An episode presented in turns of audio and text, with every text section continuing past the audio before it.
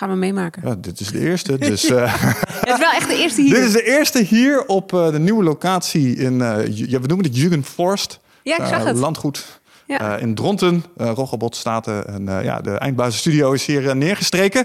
Dus we gaan hier eens een keer een eerste podcast opnemen met jou. Dus allereerst welkom. leuk dat je wilde komen. En um, voor de mensen die jou niet kennen, uh, zou je misschien even kort willen vertellen wie je bent, wat je doet, maar mensen je misschien van zouden kunnen kennen? Nou, ik ben Janneke Scholters. Ik ben toekomstonderzoeker. Dat is niet echt een term waar mensen hier misschien van kennen, denk ik. Want het is niet een hele bekende term, mm. toekomstonderzoeker. Misschien trendwatcher, ja? schrijver. Um, het allerbelangrijkste even vooraan, moeder van vijf. Ik heb drie bonuskinderen en twee kinderen zelf op de wereld gezet. bonuskinderen? Ja, die, eh, die heb ik gekregen toen ze 7, 9 en 11 waren. Dus een soort cadeautjes die al op de wereld gezet zijn door een ander. Ja. Um, en ik ben schrijver van het boek Holy Fuck en schrijver van het boek Roes, wat net uit is gekomen. En dat is denk ik de voornaamste reden dat ik hier ben vandaag. Ja, inderdaad. Fascinerend onderwerp. Uh, roes, uh, genotsdrang, uh, ja. verslavingsgevoeligheid. Uh, interessante thema's, zeker in uh, deze uh, vreemde maatschappij waar we nu zo af en toe in zitten. Ik merk dat veel mensen daar een, een hang hebben naar een stukje verdoving. Um, en ik zou er graag eens wat meer met jou over, ja, over doorkletsen. Um, zei het net al, je, je, boek gaat over misschien wel je eigen doorgeslagen genotsdrang en jouw relatie ermee. Wat was voor jou de belangrijkste reden om dit boek te gaan schrijven? Wat is, wat is de waarde die je ermee hoopt te leveren? Nou, ik denk dat wat eronder ligt is dat. Ik zei net al dat ik toekomstonderzoeker ben en ik onderzoek voornamelijk thema's waar het, wat mij betreft, in het leven over gaat. Dus de toekomst van seks, de toekomst van de dood, de toekomst van de kerk. Eigenlijk gewoon geloof, hoop en liefde. En dat zijn thema's die heel dicht aan je hart liggen, maar waar het soms heel moeilijk is om over te praten. En als het roes betreft, of drankzucht, is het in mijn geval, of uh, wat jij net zegt, genotsdrang. Daar hebben ook heel veel mensen last van. Maar dat is ook een thema waar het heel moeilijk is om over te praten. Dus ik denk dat ik het vooral heb gedaan om een taboe te doorbreken. Mhm. Dus om het bespreekbaar te maken. En dat het ook een soort therapeutisch effect heeft gehad voor mezelf om het te schrijven. En ik hoop dus ook weer een therapeutisch effect voor een ander als hij het leest. Ja, ja dat kan ik me voorstellen. Is, is de hoop dat als je de wereld laat zien van hé, hey, ik, heb een, uh, ik heb een bepaalde relatie met alcohol. Ik probeer dat te veranderen. Uh, door te zeggen, doet het ook iets met je gedrag natuurlijk. Ja, automatisch. Het is een soort. Ik heb er 2,5 jaar over gedaan om het boek uiteindelijk te maken. Mm. En dat is 2,5 jaar zelfreflectie, zo kan je het zien. Want je, je gaat natuurlijk heel diep uh, in de krochten van jezelf. In waar komt zoiets vandaan? Waar komt die genotsdrank vandaan? Uh, hoe kan je ermee omgaan? Hoe kan je op een gezonde manier genot vinden? En hoe kan je uh, iets wat ook wel iets moois in zich heeft, namelijk die genotsdrang is niet alleen maar negatief. Hoe kan je mhm. dat mooie behouden en het slechte achter je laten? Ja, en dan tegelijkertijd, eerst schreef ik het voor mezelf en gaandeweg blijk je het ook heel erg voor anderen te schrijven. Het is niet een zelfhulpboek, dat moet ik er wel bij zeggen. Zo heb ik het niet gemaakt. Maar wat ik er nu van ervaar is dat ik uh, mailtjes van wildvreemde mensen krijg die mij um, een foto sturen dat ze in de zon het boek aan het lezen zijn met bijvoorbeeld het laatste glas wijn ernaast, wat ik dan wel weer heel geestig vind, dat er toch een glas wijn naast staat. Maar dat mensen zeggen, ja, dit helpt me zo, dit helpt mij om zelf te stoppen met drinken, of dit helpt mij om te stoppen met roken, of oh wat spot on, ik gebruik neusspray dagelijks. Iedereen heeft natuurlijk een drang naar genot, maar iedereen naar net iets anders. Bij mij was het wijn. Maar... Ik moest trouwens heel erg lachen om een van de laatste pagina's in je boek waarbij je mensen uitnodigt om jou te mailen. Dat ze dus blijkens doen, maar daar had je een disclaimer bij gezet. En ik vroeg me af waar die vandaag gekomen is. Namelijk liever geen, geen dickpics. Ja, dat, dat, je het nodig vond om het in je boek te zetten. nou, er zit een stukje eerder. Zit een, uh, ik, ik, weet niet of ik toen letterlijk heb gezegd dat hij mij een dickpic heeft gestuurd. Maar ik vertel ergens in mijn boek dat uh, twee mannen in mijn leven... Uh, die niet heel erg meer evident in mijn leven zitten... maar vroeger vrienden waren... dat die me nog af en toe verrassen in hun roes van gedachtenkronkels. Ja. En de een die stuurt me uh, videoberichten. Um, liedjes, zeg maar, van YouTube, waar hij dan wat bij voelt. En dan heeft hij zes duvel op en dan denkt hij, dat ga ik aan Janneke sturen, terwijl ik hem nooit meer zie. Ik ken, ik, hij woont in België tegenwoordig. En die andere vriend, die um, stuurt mij berichtjes dat hij zijn ballen heeft geschoren... of dat oh hij gaat klaarkomen of net klaargekomen is. Blijkbaar als hij masturbeert, kom ik ergens uit een... Uh, nou ja, gek, gekke kronkel in zijn brein. En die heb ik ook al tien jaar niet gezien. En die stuurde mij ook dus af en toe dickpics. Dus toen dacht ik aan het einde, ja, ik ga nu mijn mailadres geven. Ja, maar liever, het. liever niet in jouw roesdrang mij dickpics sturen. En toen, ik moet zeggen dat ik het schreef, was het niet zo heel actueel. Toen kwam het boek, lag bij de drukker. En toen was die hele The Voice-affaire. Oh ja, ja. En toen werd het in één keer heel actueel. En toen dacht ik, oh jee, dit was niet helemaal hoe ik het bedoeld had. Maar Nee, eh, maar ja, markante timing in dat opzicht. ja, exact. Ja, Ja, ja Een per pagingsritueel dat. ja heel bizar. ja. Ehm, maar het kwam dus in eerste instantie ook een beetje voort vanuit eh, hoe, hoe, hoe je met je alcohol omging. Ja. Ehm, je vond dat je te veel dronk. Ja, Ben je een alcoholist? nee. Oké. Waar, ligt, eh, waar ligt het verschil tussen die twee? Nou, die vraag die kon ik zelf ook niet beantwoorden. Die heb ik eh, gesteld aan Wim van der Brink. Dat is een van de eerste mensen die in het boek tegenkomt die ik interview. Omdat ik wilde weten, ben ik verslaafd? Ja. En ik kon zelf niet zo goed het antwoord bedenken. Ik dronk elke dag. Oké. En dat betekende elke dag één glas wijn, twee glazen wijn, drie glazen wijn, soms vijf, soms zeven. Ehm, dat vond ik zelf te veel worden. Niet zozeer omdat ik last had, het beperkte me niet in mijn functioneren nog. Alleen het beperkte me in mijn hoofd. Mijn hoofd was er maar bezig. Dus in mijn brein eh, ontstond het gesprek: zit er nog een glas wijn in de fles? Moet ik morgen nog werken? Hoe laat moet ik uit bed? En als ik het eerste glas wijn inschonk, dan was niet de belofte van dat glas wat ik aanlo- aanlokkelijk vond, maar van het derde glas. Dat is iets heel raars wat gebeurt. Je, mijn brein wilde eigenlijk altijd meer. En toen ik doorkreeg dat dat een gesprek was wat ruimte in mijn hoofd innam, wilde ik van dat gesprek af. Toen ben ik van de een op de andere dag heb ik bedacht, ik, ik wil hiervan af. Ik wil niet dat ik die aanhankelijkheid heb of dat mijn brein daar überhaupt mee bezig is. Dus heb ik besloten, eh, s ochtends vroeg toen ik opstond met rode ogen en een kleine kater, eh, heb ik tegen mezelf gezegd, ik stop met alcohol drinken, ik drink nooit meer. Nou, dat, dat is dus nu 2,5 jaar geleden en ik heb ook inderdaad niet meer gedronken daarna. Maar toen dacht ik wel van ja, ik wilde eigenlijk ook wel antwoord op de vraag, ben ik dan nu verslaafd geweest? Is, dit, wa- is dit wat verslaving is? Toen heb ik ehm, hoogleraar verslaving eh, eh, Wim van der Brink geïnterviewd. En die heb ik het gevraagd. En die zei toen tegen mij van ja, je, jij hebt wel eh, verslavingsgevoeligheid. Maar het feit dat jij zo van de een op de andere dag kan zeggen ik stop ermee, duidt er toch wel op dat je ergens de discipline en de wilskracht hebt om zelf te stoppen. Ehm, en dat je vermoedelijk niet verslaafd bent geweest. Wil niet zeggen dat je het niet kan worden. Dus hij zei ook: begin niet weer met drinken, want het heeft wel een te grote aanhankelijkheid, roept het bij je op. En hij zegt ook: vaak zijn mensen die verslaafd zijn, hebben eh, de risicogenen die ik ook heb. Er zit wel iets in je genenpakket wat maakt dat je bijvoorbeeld een thrillzoeker bent of heel erg op zoek bent naar sensatie of nieuwe ervaringen. Dat klopt allemaal. Ehm, maar er zit vaak ook een, iets onder van ongelukkig zijn of depressie of iets een traumatische ervaring of iets verwerken. En hij keek naar mij en hij zegt: Jij bent een heel gelukkig mens. Dus de kans dat er zoiets in jouw verleden is waardoor jij dronk, die achtte hij klein. Toen vroeg hij me dat ook: Is dat zo? Ik zeg: Nee, ik ben heel, ik ben heel gelukkig opgegroeid. Ik ben nu ook heel erg gelukkig. Dus daar zit het hem niet in. Nou, dat bewees voor hem ook eh, dat er waarschijnlijk niet ehm, een diepe verslaving achter loerde. Ja, oké. Maar desondanks eh, toch wel een bepaalde, hoe zeg je dat? Infatuatie met eh, de alcohol. Zeker. Ja, wat, eh, ik heb zelf minder met alcohol eh, als zijnde zo'n middel. Wat, wat is iets wat iemand die diezelfde affiniteit met alcohol heeft direct begrijpt... wat, wat de andere mensen niet snappen? Waar, waar zit het hem in voor jou? Wat eh, als ik een ander zou spreken die dezelfde. Ja, ja waarover zijn jullie het direct met elkaar eens? Zo van, is het ook dat derde glas? Of is het van, het is zo fijn dat die hele fles nog vol zit? Een bepaalde overmaat? Eh, Wat is het? Nou, het is wel grappig. De mensen die ik spreek, die, ik heb bijvoorbeeld Erik Jan Harmens gesproken, de auteur die eh, verslaafd is geweest. Ik sprak iemand van de Jellinek, Loes Hank, die ehm, zelf ook verslaafd is geweest. En dan merk je dat op het moment dat ik met hun aan het praten ben, dan ga je hebben over de momenten dat je dronk.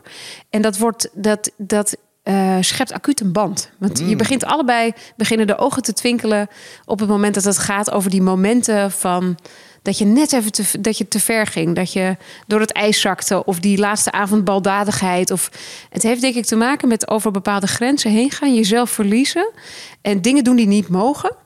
Dus de, en dan ontstaat er acuut een soort magisch verbond met die mensen. Dus je merkt ook wel dat bijvoorbeeld met Erik Jan Harmers, die is nu ook al wel, ik denk tien jaar gestopt, denk ik, met alcohol drinken, zoiets. we hadden het er meteen over hoe heerlijk het zou zijn om uh, het gesprek wat wij hadden bij mij aan de keukentafel. Uh, om in een, hij, zei, noemde het volgens mij een opiumbar. Vroeger had je opiumcafés. om daar met z'n tweeën in feutushouding op een bank te liggen en dan opium te gebruiken en dan daar door te praten. En wij vonden, wij vonden dat, die gedachten allebei super aantrekkelijk. Dus het is wel waar wat jij zegt, dat er dus iets is wat lonkt en dat je dat herkent in de ander. Ja, en als ik nou naar je verhaal luister en ik zou het moeten samenvatten, zit het, het is iets rebels. Ja, het is zeker rebellerend. Het zit, hem, het zit hem in het feit dat het grensoverschrijdend is en dat er een taboe aan. Nou, daar komen misschien wel ja. bij waar we het straks ja. over Er zit een soort taboe aan of zo? Ja, en het, maar ja, maar het is, het is grensoverschrijdend wat jij zegt. Het is geestverruimend, maar het is ook geestvernauwend. En die beide kanten, dus dat je aan de ene kant de wereld heel klein maakt en tegelijkertijd de wereld aan je voeten ligt en dat je alles kan doen, ook wat niet mag die twee kanten, die zijn zo aantrekkelijk. Ja, ja precies. Het dempt de pijn en het verhoogt het plezier natuurlijk. Ja. Ik denk dat, dat, dat er daar natuurlijk ook iets in zit. Maar in mijn eigen relatie met dingen waar ik overmatig gebruik van heb gemaakt, zat er ook wel iets in van. Het, geeft je ook een identiteit. Net zoals dat je muziek je vroeger een identiteit kon geven. Zitten er voor sommige mensen ook het feit dat ze kook gebruiken. Uh, met ja. het vriendengroepje. Hè, dat, dat is. Uh, uh, dat is dan het ding wat ze, wat ze het, het, team maakt. Snap je wat ik bedoel? Wat, wat gebruik jij overmatig? Ik heb een interessante relatie met cannabis gehad. Oh ja, ja. ja dan herken je dat. Ja. ja. En vond je dat een identiteitsbepaler voor jezelf? Ja, vooral in het begin. Zeker. Maar ontleende je daar status aan dan? Bedoel je dat? en dat soort groepen ontleen je vooral status aan hoeveel hijsen je van een waterpijp kunt nemen zonder om te vallen. Ja, precies. Ja, dus wel een soort van. Ergens. Maar dan is het toch ook een moment dat je denkt: als dit mijn identiteitsbepaler moet zijn, is het wat treurig? Nou, dat mag zeker niet het ding zijn uh, waar het allemaal op baseert, lijkt mij. Nee, nee. Ik heb een uh, gesprek gehoord met Ilja Leonard Pfeiffer, die schrijver um, van Hotel Europa bijvoorbeeld. Ja. En die heeft van het lange haar, en ik twijfel nog even of hij snor heeft of niet. Nou, hij ziet eruit als een, als een soort Rembrandt. En hij woont uh, tegenwoordig in Genua. En die vertelde over het moment dat hij stopte met drinken. Toen was hij even zijn identiteit kwijt. Want hij dacht van ja, je bent schrijver, je hoort te roken, te drinken, op een terras te zitten en zwaar bier te drinken. En dan is dat wie jij bent. Dat is een soort imago. Dat heeft iets romantisch, dat heeft iets fatalistisch ook. Ja. En dat fatalisme is ook wat jij nu denk ik bedoelt. Dat heeft ook met dat rebelse te maken. Ik heb ergens in mijn boek de zin staan: zuipen tot je nek kraakt. Dat heeft, dat heeft iets appellerends, vind ik. Mm -hmm. En hij omschreef dat hij dat dus even kwijt was. Dat hij die dat imago miste. En dat dat eigenlijk het enige is wat hij in het begin miste. Dus dat je met je iced tea op je terras zit en dan denkt... nou, kijk mij eens zitten met mijn iced tea. Uh, en ik denk dat dat inderdaad de eerste maanden gold. Dat je zoekende bent van wie ben ik zonder dat glas wijn in mijn hand. Mm -hmm. En nu kan ik me dat al bijna niet meer voorstellen. Nu is dat zo vervlogen. Dat is er niet meer. Ja, ja nee, dat snap ik. Ik herken het wel hoor. Uh, ik bedoel, uh, wat ik al zei... in sommige stromingen van muziek, bijvoorbeeld rap dan hoor je ineens rappers zeggen, weet je wel, ik ga door tot ik mijn, mijn longen zwart rook. En dat is dan iets waar je jezelf ineens om ziet grijnzen of zo, weet je wel. Ja. Van, dapper dat hij dat durft te zeggen. Dus er zit wel een soort afzetgedrag in. En ook een stukje scheid aan de dood. Ja. Dat vind ik ook met mensen die roken. Dat, daar zit een bepaalde, oh, I don't give a fuck, uh, zit daar aan. Ik ben niet bang voor het effect wat dit heeft. Dus het is ergens ook een soort van, ja, misschien voor jezelf wel stoer doen of zo. Snap je wat ik bedoel? Ja, ik zit na te denken, want ik herken mijn hele familie hierin. Oké. dus die familielid uh, ineens uh, heel Noors mee te kijken. ja, mijn vader is mee, die, die, die heeft gereden. Ik moest werken onderweg hier naartoe en ook op de terugweg. Um, nee, ik herken dit heel erg. Want het is, het is het stukje fatalisme wat ik net zei. Een beetje je kop in het zand. Maar ook een beetje afzetten tegen de normen en waarden. Tegen die hele gezondheidsmanie. Dus uh, dat je altijd maar de juiste keuzes moet maken en de gezonde keuzes moet maken. Hoezo? Je leeft maar één keer. Ga, ga door tot je dood neervalt. Dat gevoel. Zeker. Dat herken ik heel sterk. Ik heb ook een liedje van de audiobullies, uh, de eerste strofes daarvan in de, het boek staan. Um, dat heeft datzelfde gevoel. Dat gevoel van um, er is een zwarte kant aan mij die niet iedereen kent. Maar uh, als het avond wordt, dan ga ik de straat op en dan laat ik die donkerste kant van mezelf zien. En dan doe ik datgene wat niet mag. Ja. Het is. Uh, ja, ik zou haast denken dat iedereen die kant heeft. Ja, dat denk ik ook. Maar niet iedereen durft hem, denk ik, op te zoeken ook. Vanuit het taboe wat er, uh, wat er tegenover staat. Ik denk ook niet dat het gezond is om er altijd in te vertoeven. Kom je ook in een interessant vaarwater terecht, denk ik. Maar misschien wel interessant om eens even wat, wat uh, langer op door te gaan. Want in je boek heb je het ook veel over um, hedonisme. Mm -hmm. En ik denk dat als je even. Wat ik tof vond aan je boek sowieso, is dat je ook de evolutionair psychologische kant een beetje aanraakt, de neurologische kant een beetje aanraakt. Dus alle dingetjes die mhm. van invloed hierop zouden zijn, uh, benader je er ook uit. Um, en als we daar nou eens even beginnen, hè, wat, wat, wat denk je vanuit een psychologisch perspectief dat dat waar dat genot voor is? Um, anders gevraagd, is er een doel voor onze hedonistische inslag? Nou, het boek heet Roes, maar de andere kant van de roes is de reden, de tegenovergestelde kant. En ik denk dat je altijd maar in de reden leven, dat geeft je een heel eenzijdig beeld. Ik denk dat we de mens als mens, psychologisch gezien, die roes heel erg nodig hebben om aan de andere kant te komen. Een beetje wat je net zei, dat grensoverschrijdende te vinden. Mhm. Dat is ook waar religie een functie heeft. dus geloven in het bovennatuurlijke, geloven in het goddelijke. Ehm, af en toe de teugels loslaten en niet alleen maar. Kijk, in de, in de reden kun je heel veel bereiken. Je kan heel hard werken, je kan een carrière eh, maken, je kan leren, je kan studeren, je kan nou, je kan alles als je daar je schouders onder zet. Ehm, maar je moet ergens ook het ventiel los kunnen draaien. Je moet ook ergens jezelf kunnen, uh, nou ja, de teugels kunnen laten vieren en het feest kunnen opzoeken en elkaar kunnen vinden en over elkaar heen kunnen buitelen van het lachen. Ja. Dat is bijvoorbeeld ook, ik heb daar Walter Wijns over gesproken, die dan socioloog is, die zei dat is de functie van de feestroes. Die hebben als mensen heel hard nodig. Daarom hebben we carnaval, daarom hebben we festivals. Mm omdat je niet alleen maar in, uh, binnen die grenzen kan bestaan. Dat is, niet, dat is niet afdoende als mens. Dus we hebben dat, dat hedonistische, dat zoeken naar genot. Dat geeft je ook een soort ultieme richting in je leven. Het is ook een soort drijfveer achter je bestaan.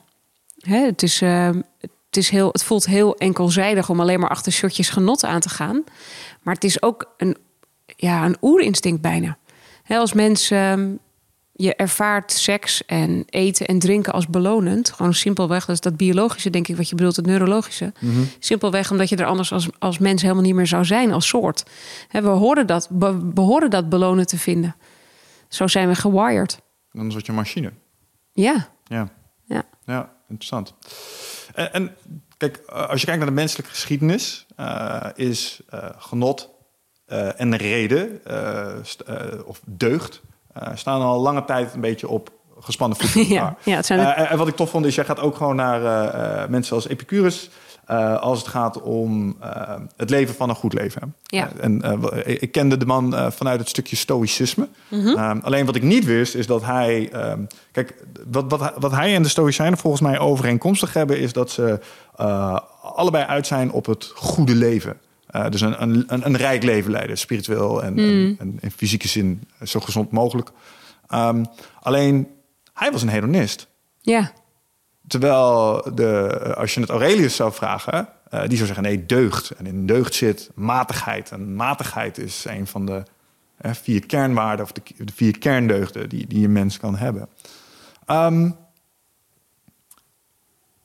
denk jij dat hedonisme niet. Uh, laat ik het anders vragen. Stoïcijnen denken dat het niet de oplossing is voor een goed en rijk leven. Hoe zie jij dat? Of uh, de, de vraag is dus eigenlijk: kan er ook een goede kant aan het hedonisme zitten? Exact. Dat is denk ik wat je zegt. Uh, ik denk niet dat we zonder kunnen. Ik denk dat het jagen naar genot. Kijk, je, je kan niet enkel genot najagen. Daar word je niet gelukkig van. Je zult mm. het naast geluk moeten neerzetten en naast deugd. Um, maar je kan ook niet zonder. Het is niet de bedoeling dat je. Ehm, dus iemand anders die ik ook heb aangehaald, dat is de transhumanist David Pierce. Die zegt van we moeten enkel nog genot nastreven. Dus je zou in je DNA zeg maar alle bijvoorbeeld depressie eruit moeten knippen. Je zou er moeten kunnen voor zorgen dat we pijn elimineren. En dat je alleen nog maar het genot overhoudt en het mhm. geluk. Maar zonder dieptepunten kun je dat genot en het geluk helemaal niet meer ervaren. Dus dan hou je, je hebt contrast nodig om überhaupt genot en geluk te kunnen voelen. Ehm, dus we hebben beide zijdes van de medaille nodig. Je hebt mm. en pijn en genot nodig. Je hebt en geluk en verdriet nodig. Ja. Um, het een kan niet zonder het ander. Maar je wil ook niet alleen maar deugdzaam zijn, want dan heb je een heel vlak bestaan. Dus ik denk dat je, het, uh, dat je als mens niet zonder uh, de beide zijden van de medaille kan. Nee, begrijp ik. En stel je nou voor je uh, eens, het moet gebalanceerd zijn. En stel je constateert een, een losgeslagen balans. Dus je zit iets te veel in de hedonistische kant, zoals je jezelf ook hebt aangetroffen. Eh, het lijkt mij, het komt op mij heel erg over alsof jij vanuit denken Ja. En wilskracht, iets heb je gedaan met de manier waarop je aankeek tegen dat drinken. En daardoor is je gedrag een soort van Vol. veranderd. Ja, dat is spot on. Ja, dat is wat er is gebeurd. Ja, Ja, ik heb Eh, het met de reden, ik heb de roes met de reden proberen te bedwingen. Ja, exact. En als iemand die dat ook wel eens heeft geprobeerd en daar eh, succes mee heeft gehad, maar ook wel eens niet, omdat eh, reden wilskracht vergt. En wilskracht is niet altijd volledig aanwezig. Nee. Ehm, zijn er momenten geweest dat je op het punt stond om onvoldoende wilskracht te hebben? En wat zijn strategieën geweest om dan toch weer je reden te laten zegevieren? Nou, kijk, e- een van de eerste dingen die de deur uitgaat. Ehm, als je drinkt, is de wilskracht. Dat herken je waarschijnlijk wel. Op het moment dat je alcohol drinkt, dan eet je toch die kroket, zeg maar. Die je normaal gesproken niet zou willen eten, omdat je denkt ik wil afvallen. Dus door te drinken haal je vaak heel veel discipline ja, eruit. Omdat ik niet dronk en besloten had niet te drinken, dat was een hele duidelijke keuze. Dat was nul of alles. Dus of ik drink of ik drink niet. En daar zat niks tussen. Ik, ik heb mezelf niet ehm, de vrijheid gegeven om te zeggen: Nou, ik, ik drink niet, maar misschien over een paar weken doe ik, of als ik het een maand heb gedaan, drink ik weer één glas. En omdat ik mezelf die ruimte niet heb gegeven, was het heel simpel. Het was alles of niks. En het was niks. Ik heb voor niks gekozen.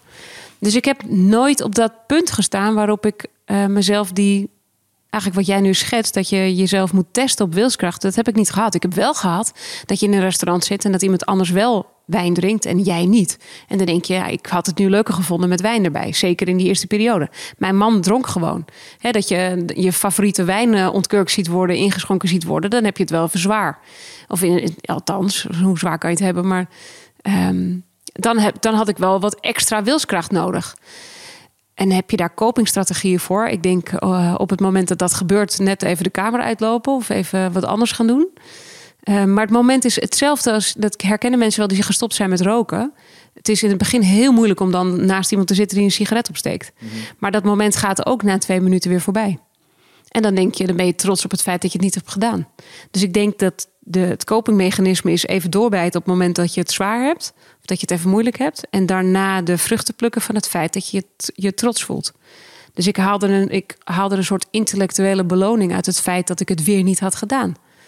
Ik kon een vinkje zetten achter het lijstje, weer niet de in de valkuil getrapt. Ja, Dus ik heb, ik heb geen één keer. Ik ben geen één keer gezwicht. Maar ik heb het ook niet heel erg moeilijk gevonden. En dat maakt ook wel weer dat het vrij duidelijk is dat ik niet echt verslaafd ben geweest. Dan was het waarschijnlijk anders geweest.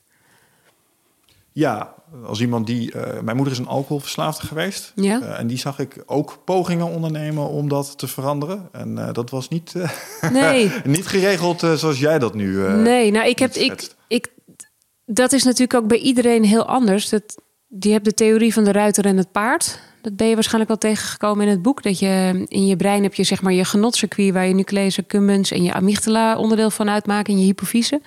En dat genotcircuit, dat is eigenlijk een... dat is in die beeldspraak is dat een paard. En ehm, als je heel erg veel zin hebt in die... als je die genotsdrang hebt... of die, die zin in roes... eh, heb je waarschijnlijk een heel onstuimig paard. Wat heel graag nou, de, de wei in wil, wil springen, wil dansen, wil feesten, wil stinken, wil branden, wil losgaan. Ehm, je prefrontale cortex, dat is het gebied in je brein wat dat paard onder controle probeert te houden. Dat is de ruiter in de metafoor. Als je een hele sterke ruiter hebt, dus heel veel discipline en heel veel wilskracht en ook heel veel controle over jezelf kunt uitoefenen, kun je dat onstuimige paard best wel goed onder bedwang houden. Ik had een heel onstuimig paard, of dat heb ik nog steeds, dat, daar ontkom ik niet aan. Maar ik heb ook een hele sterke ruiter als jij een heel onstuimig paard hebt wat dus wil drinken en vervolgens heb je misschien een wat minder sterke ruiter, je kan het minder goed onder controle houden, zul je eerder weer zwichten. Ja, En daarbij ken ik natuurlijk niet het verhaal van je moeder, maar als daar dan daaronder ook nog iets ligt waarom je drinkt. Hè? Ik dronk om stress te bezweren, maar een ander drinkt misschien om verdriet te bezweren of een verlies. Of een, dat, is, dat vergt natuurlijk iets heel anders. Hè? Dan kan je het niet alleen maar aan een sterke ruiter wijten. Nee. Of ehm, Nee, Een nog, ik denk dat in dat geval je alle, in alle gevallen ook de, de oorzaak eh, van je onstuimige paard moet. Die zal wel iets in zijn poot hebben. Dat moet er eerst uit, anders zul je nooit kunnen controleren. Exact. Ja, nee, die snap dat, Ah, en mooi. Ja, dat heb ik niet. Weet je, dat is Nee. mijn geluk. ja. ja nee, dat, dat begrijp ik. Ehm, maar als we dan kijken naar redenen waarom je wel in dit vaarwater bent beland. Ja. Ehm, vond ik je nogal stellig. Oh. ja, ik, uh, ik ga even een stukje uit je boek uh, voor, voorlezen. waarvan ik uh, een paar dingen vond in eerste instantie. Maar ik ben gewoon even benieuwd hoe je dat, hoe je dat zou uitleggen als je tegenover me zit. Um, let op. Het massa-hedonisme dat nu regeert draait om hyperindividualisme. Consumentisme, kapitalisme, alcoholisme en allerlei verwante escapismen om onze persoonlijke hoogtepunten te bereiken. We rennen maar door op, het naar, uh, op, uh, op zoek naar het volgende shot, wat in de psychologie de hedonistische tredmolen wordt genoemd. Uh, we denken dat we vooruitkomen in het leven met geld, succes, spullen, maar we ren, rennen enkel rondjes in ons eigen rad van fortuin en schieten geen meter op. Ja. Punt. dat, dat is denk ik een hele cynische samenvatting van de maatschappij zoals die op dit moment is, inderdaad. Ja. ja. Um, Verklaar nader, vertel, vertel daar eens iets meer over. Ja, maar ik ben wel benieuwd wat je er stellig aan vindt allereerst. Want je, jij vindt er dus iets van als je het leest? Ja, nou, wat ik ervan vond, in eerste instantie, eh, eh, inhoudelijk ben ik het helemaal met je eens. Mm. Want, want, ik denk dat het een overspannen systeem is. Ik denk dat de red race niet goed voor je is. Maar Ja. ik denk ook dat als ik spreek als iemand die in de jaren 80 en 90 is opgegroeid en die beter weet. Snap je? Dus, Ja. dus eh, al deze dingen zouden voor mijn grootouders eh ongekende luxen zijn. De zelfmaakbaarheid en het individualisme van het leven. Ja. Ehm, ik denk dat ik wel weet waar mijn moeders alcoholisme vandaan kwam. Dus ze hadden een bepaalde dispositie in de familie. Maar die waren ook niet echt blij. Want die waren in een soort huwelijk waar je niet uit kon stappen. Want er waren toen taboes op scheiden in een christelijk, Ja. judeo-christelijke Maar zo gemeente. is er altijd een andere reden om op zoek te gaan naar Ja, dus, escapisme. dus, dus tegelijkertijd, dus tegelijkertijd eh, dat wat we nu kunnen, hè, het consumentisme, het Ja. hyperindividualisme, dat zijn ook een soort van verweven vrij, eh, verworven vrijheden Ja. die, die nu wel voor problemen zorgen, maar ik zou ze ook niet graag meer inleveren. Nee, de, oh nee, dat, dan begrijp ik wat je bedoelt. Dat wilde ik even horen aan de... Ja, dus, ik dus snap daar zat meer van, van ik Ja. volg hem. Maar Ja. tegelijkertijd, ik heb ook geen alternatief eh, dat het probleem wat we nu hebben, in tegenstelling tot die voor zou oplossen. Dus ik was even benieuwd hoe Ja. je daar tegenaan kijkt. Nou ja, weet je, ik heb het hier ook met, wel met Wim van der Brink over gehad. Want die las dit stuk ook. En die zei ook van nou, nou, nou, nou, nou zeg je nog toch eigenlijk wel eens wat. Ja. Eh, en is dat, ja, en hij zei ook, ehm, je schetst een, een beeld van de tijd. Maar die genotsdrang hebben we altijd. Eigenlijk wat jij nu net ook schetst over eh, je moeder in dit geval. Maar er is altijd wel een reden om genot te vinden. En nu eh, hang ik het even aan het kapitalistische systeem... en het feit dat het zo ontzettend voorhanden is... en dat het ons aan alle kanten wordt aangeboden... en dat er niks schaars is... en dat we het in Nederland zeker heel goed hebben... en alles kunnen kopen en krijgen met een directe druk op een knop... wat we maar willen hebben. Maar hij zei, vroeger ehm, werden de loonzakjes uitbetaald in de bar... En dan stond je in het café en dan kreeg je daar uitbetaald. En vervolgens ging de helft al op aan de drank voordat degene thuis kwam om eh, aan moeder de vrouw de rest van het geld, huishoudgeld te geven. Ehm, hij zegt dus die verlokkingen die zijn er eigenlijk altijd al geweest op hun eigen manier in elke tijd. Alleen in onze tijd hebben wij het gevoel, in ieder geval, ik denk jij ook, dat het wel heel erg makkelijk voorhanden is. Het wordt ons wel elk op, op elke straatsteen aangeboden. Je moet wel heel sterk in je schoenen staan om daar niet, je niet aan over te geven.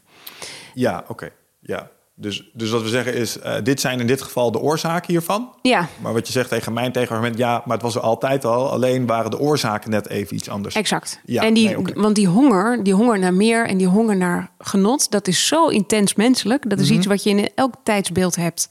En elk tijdsbeeld ge- beeld geeft je alleen andere ehm, middelen. Ik heb in een, in een presentatie die ik geef, schets ik bijvoorbeeld het beeld van. ehm, heb ik een plaatje van een.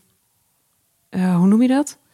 Ehm, een hoerenkast, zeg maar, van vroeger. Ja. Waar, het, waar je rood verloer overal op de, op de muren hebt zitten en op de stoelen. En dat er een blote vrouw staat. En dat, er, dat je geld in er, eh, aan haar kan geven. En dat je vierend, eigenlijk als je daar bent, wordt de buitenwereld buitengesloten. Is het, eh, het daglicht komt niet, dringt niet binnen. Dus op het moment dat je daar bent, geef je geld uit als water. Heb je het gevoel dat je in een alternatieve realiteit zit. Ehm, en je denkt niet aan je huwelijk, je denkt niet aan je werk, je denkt niet aan, je denkt niet aan niks, want je zit in een alternatieve realiteit die jij wordt aangeboden. Eh, die inspeelt op waar jij op dat moment behoefte aan hebt. Als je kijkt naar nu, hoe je dat nu aangeboden kan krijgen, dan kun je in virtual reality een, een pak aantrekken en een virtual reality bril opzetten. En dan kun je precies een eh, video kiezen of een, of een situatie afspelen met eh, zoveel mensen en zoveel geslacht als dat jij wilt. En dan kun je precies jouw seksuele ervaring beleven die jij op dat moment waar jij behoefte aan hebt.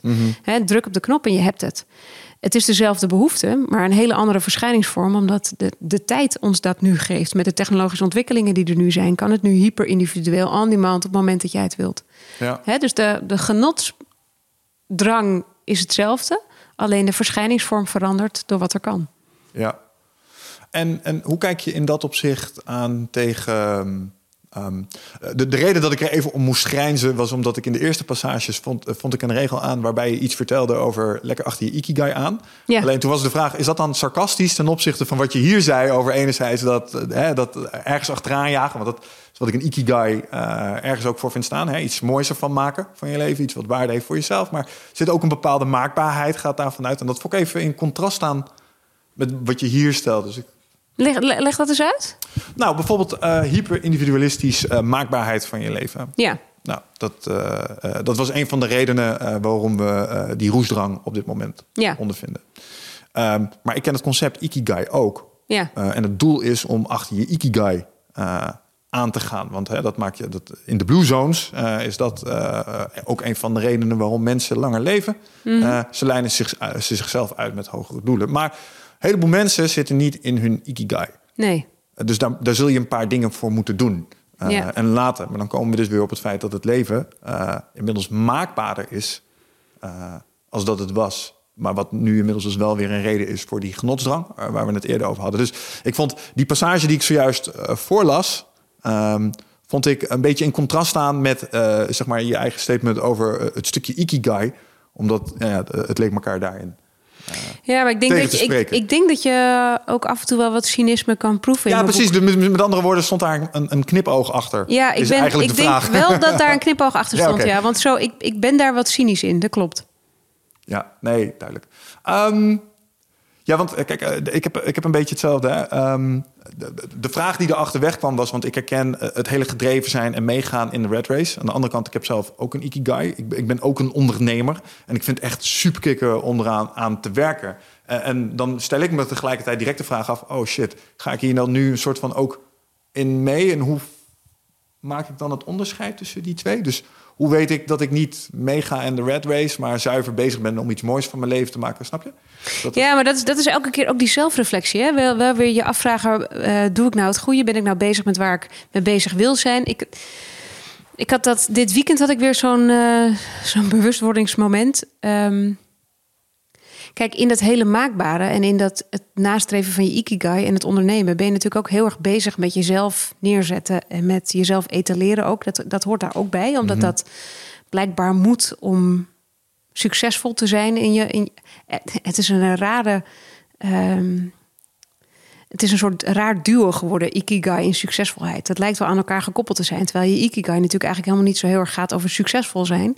Maar in de wereld met ondernemen en proberen ehm, iets neer te zetten wat heel erg bij jou past en wat vanuit jouw intrinsieke motivatie komt en wat uit jouw passie vandaan komt. Vervolgens schrijf je er een boek over en wil je natuurlijk wel weer dat dat boek succesvol wordt en verkoopt en dat het in de media komt en dat je er op Instagram van alles op plaatst. Dus je, je ikigai wordt weer een soort dat wordt weer een soort ja, instrument om succesvol te zijn. Dat vind ik er, dat is er is lastig aan dat tegelijkertijd. Hè? Ja, en de vraag is dan, corrumpeert dat het nou? Nou, exact. En toen was ik dit weekend, trouwde mijn broer. Uh, en ik heb drie oudere broers. En mijn jongste broer is uh, even goed ouder dan ik. Maar dat is zeg maar mijn duo van vroeger. Wij zijn samen heel erg opgegroeid.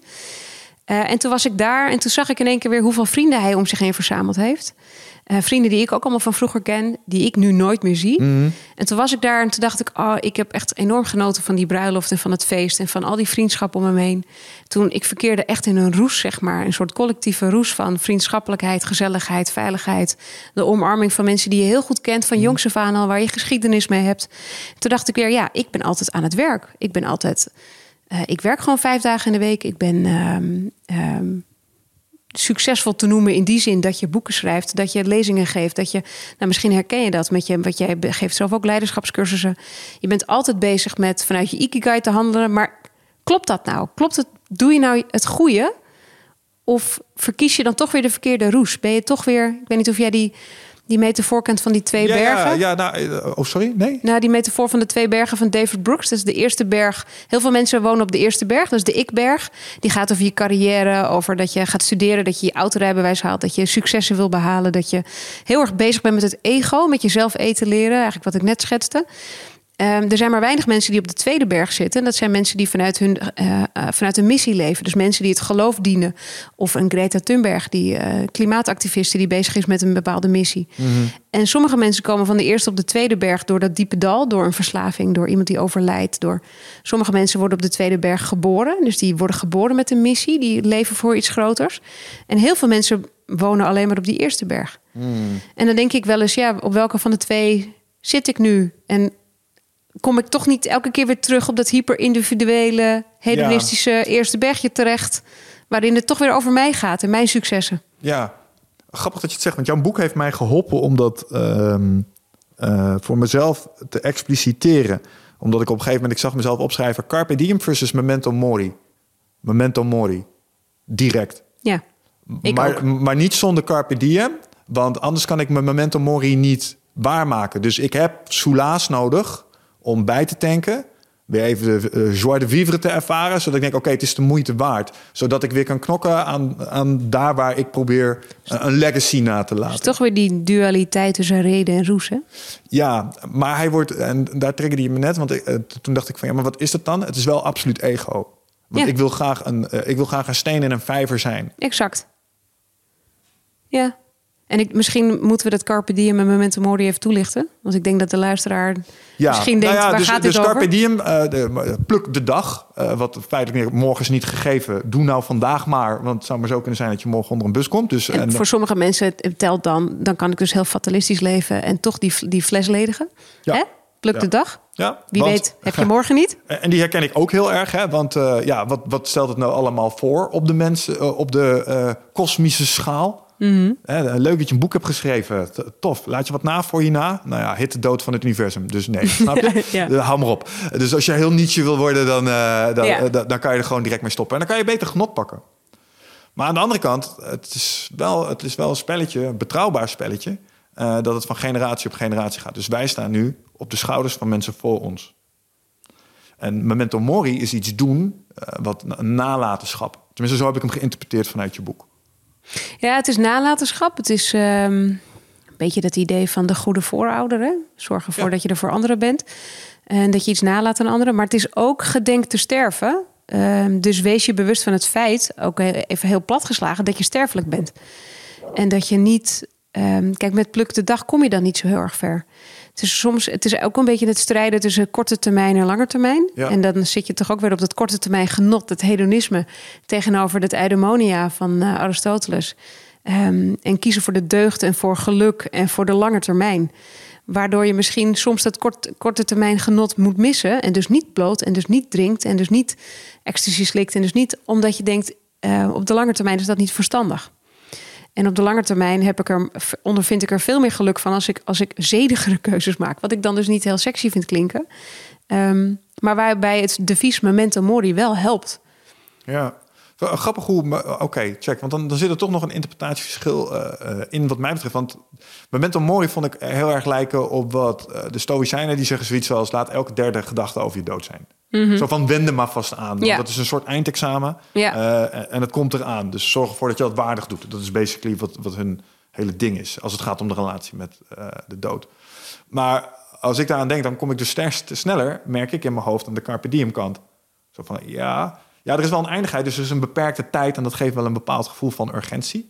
Maar Ja. het, het feit dat die sterfelijkheid er is en dat het dus morgen klaar kan zijn, of met een x aantal jaar uh, klaar kan zijn, zorgt er bij mij ook voor dat ik in ieder geval die carpe diem kant niet gemist wil hebben. Dus Nee, dat snap aan- ik. Dat snap ik ook. Ik, je had uh, van tevoren mij gevraagd: van, heb je een quote uh, die jou helpt? En dat, bij mij is de quote um, die mij hierin heel erg geholpen hebt. Je hebt in je leven twee levens. En je tweede leven begint als je doorhebt dat je er maar één hebt. Ja. Dat is voor mij momentum mori. Gedenk te sterven. Weet dat je sterfelijk bent. En bij mij, ik was toen ik nog uh, dronk en nog volop in het fatalisme zat. Um, was ik bezig als carpe diem te leven, als een rupsje nooit genoeg, als iemand die elke dag uh, kon plukken. Um, en daar had ik het gevoel dat ik uh, nog onsterfelijk was. Tot het moment dat ik in één keer bedacht, ik ben helemaal niet onsterfelijk. Um, ook ik ga dood. Dat is het moment dat ik door had. Dat is het moment van het tweede leven. Dat je in één keer door hebt: shit, ik heb er maar één. Dus ik moet hier wel heel goed op passen. Ja. Ik ga dood. Kan ik niet beter de tijd dat ik heb beter besteden? En misschien ook zorgen dat ik wat langer leef. Dus wat minder vaak die fatalistische keuze maken. Daardoor ben ik gestopt met drinken. Dat is eigenlijk het moment dat ik van mijn carpe diem geloof ben afgevallen. Ja. Juist. Dus je kan er op twee manieren naar kijken. Ja, ehm, dood vind ik altijd in dat opzicht een, een eh, mooi, maar ook een eh, moeilijk onderwerp. Ehm, eh, ben je bang om dood te gaan? Nee. Nee, dat vind je niet, eh geen niet- vervelend niet- vooruitzicht? Niet voor mezelf, wel voor mijn kinderen. Oké, dus er is niets in jou dat denkt van... Oh, het zou echt zonde zijn als dit ritje straks voorbij is. En dat zouden we zo lang mogelijk willen. Nou, ik zou heel graag gezond oud willen worden. En ik zou heel graag 80, 90 jaar willen zijn, omdat ik ehm, vooral de levens van mijn kinderen wil meemaken. Maar eh, ik, ik koester geen angst voor de dood zelf, voor mij. Ik ben niet bang voor dat moment. Nee, oké, interessant. Want wat, wat ik tof vond aan je boek... is dat je een aantal onderwerpen aansnijdt... die ik echt eh, mega interessant vind. Longevity, transhumanisme. Ja, Uh, er wordt op plekken in de wereld actief onderzoek gedaan naar plekken Calico van Google om dood uit te bannen. ja. Nou, je bent natuurlijk los van roesdeskundige ook nog eens een, een trendwatcher. Wat vind je van die ontwikkeling? Nou, mag ik een aantal dingen uitlichten die ik interessant vind? Zeker. Um, want daar, door daarover te praten kom je er denk ik wel op uit wat ik ervan vind. Um, ik heb Andrea Meijer geïnterviewd, ook voor dit uh, onderzoek. Zij is hoogleraar gerontologie en zij is uh, onder andere bezig met uh, senolytica. En senolytica, dat is een soort um, medicijn. Je kan het vergelijken met het antibioticum van deze tijd... waarin de senescente cellen die je in je lijf hebt afgebroken worden. En in je lijf, op het moment dat jij bestaat, dan heb je celdelingen. En blijven er in je lijf senescente cellen achter. Een soort zombiecellen die jouw lijf stuk maken van binnenuit. Dus daar komen ontstekingen door. Daar komen, nou, dat is eigenlijk wat veroudering is, waardoor je lijf degenereert. Met die senolytica zou je die cellen weg kunnen halen. Zou je langer gezond kunnen leven. Wat zij daarmee probeert is niet de dood te verslaan. Maar zij probeert de tijd die je hebt te verbeteren. Dus bijvoorbeeld de, de, ja, je, je healthy lifespan te verlengen. He, dus dat je de periode van 40 tot 60, dat je in het midden in je leven staat, dat je die periode verlengt en niet zozeer uh, je 90 plus jaren waarin je al heel erg uh, fysiek in feite al afgetakeld bent, zo gezegd. Dat vind ik, daar ben ik het eigenlijk wel, um, daar kan ik me heel erg in vinden. He, dat is tegelijkertijd zorgt dat ervoor dat je uiteindelijk langer zult leven en dat we misschien op den duur wel 130 jaar oud kunnen worden daar kan je wat van vinden, omdat het helemaal niet past op de aarde. Hè? Dat, de, daar, kun, daar, kunnen we helemaal niet aan. Maar ik vind aan zich proberen de tijd die je leeft um, zo aangenaam mogelijk te maken en dat je zo gezond mogelijk bent, daar ben ik niet tegen. De hele hunt voor um, onsterfelijkheid en proberen je nou, op alle manieren een soort heilige graal te vinden of een soort cocktail te vinden waardoor we het eeuwige leven hebben. Uh, daar ben ik niet groot voorstander van. Hm. Dus er, zit, er zijn zoveel verschillende typen onderzoeken... waarin je eigenlijk ze allemaal afzonderlijk moet be bespreken... om te bepalen wat je daarvan vindt. Ja, nee, nee dat begrijp ik. Maar uh, ik hoor bijvoorbeeld futuristen zeggen... Uh, de eerste mens die duizend zou kunnen worden... laten we dat ervan maken. Of ja. het woord is iets anders. Ja. Zou kunnen worden, is al geboren. Ja, dat is Aubrey de Grey. Ja. Die um, is ook uh, gerontoloog die zegt dat omdat hij een steen in de vijver wil werpen, zoals jij dat zo mooi zegt. Maar die zegt dat niet omdat hij het kan bewijzen. Hij kan bewijzen wat hetzelfde wat Andrea Meijer bewijst. Namelijk dat we uiteindelijk zo'n ongeveer 130 jaar kunnen worden als je die senescente cellen kan verwijderen. Hmm. Hij uh, onderzoekt dezelfde theorie. Hij probeert alleen pers te krijgen, dat zegt hij ook zelf voor, door deze quote te gebruiken. Hij zegt we kunnen wel duizend jaar worden. Um, maar het is niet echt waar op dit moment. Nee, uh, check. Um technologieën als CRISPR, ja. Alles wat daar potentieel achterweg Ja. komt, zou ons misschien een, kan, een eindje die kant uit kunnen helpen. Daarom noemen ze het ook een cocktail. Hè? Het zijn, je moet het zien als allemaal verschillende ingrediënten die tezamen die heilige graal zouden moeten worden. Die kelk met een soort onsterfelijkheidssap. En één, één ingrediënt is CRISPR. Ja. Kras. Eén ingrediënt is senolytica. Eén ingrediënt is het verlengen van je telomeren. Eén element. En zo proberen ze uiteindelijk de longevity velocity escape te behalen. Zo noemen ze dat. Dus de ontsnappingssnelheid dat je uiteindelijk langer leeft. Um, uh, in de tijd dat er weer nieuwe uitvindingen zijn, zodat je weer langer leeft en er weer nieuwe uitvindingen meemaakt en weer langer leeft. Mhm. Dus dat je eigenlijk de, je, je eigen dood op die manier kan ontsnappen. Ja, Kun je nog iets, iets zeggen over die derde poot van uh, levensverlenging, telomeren? Telomeren. Ja, telomeren is. Um, je moet het een beetje voor je zien als het uiteinde van je veter. Wat jij nu, dat plasticje wat jij op je veter hebt zitten, dat is zeg maar het kapje op je DNA. Uh, telomeren die zijn, uh, die hebben een bepaalde lengte. En op het moment dat je die. Goed even in beeld houden. Ja. op het moment dat je die kan verlengen, uh, zou je langer leven. Omdat dat, omdat dat langer je, je chromosomen of je DNA beschermt. Hoe meer die verkorten, hoe korter je leeft. Dat is even een hele simpele manier, een simpele uitleg. En met het enzym telomerase proberen ze die telomeren te verlengen. Waardoor je langer, ja, langer gezond blijft. Dat kunnen ze bij ratten. Ik weet, je hebt het bedrijf BioViva in Amerika. Liz Parrish is daar de directeur van. Die, die, of de CEO zeggen ze dan. Hè. Die gebruikt het op zichzelf.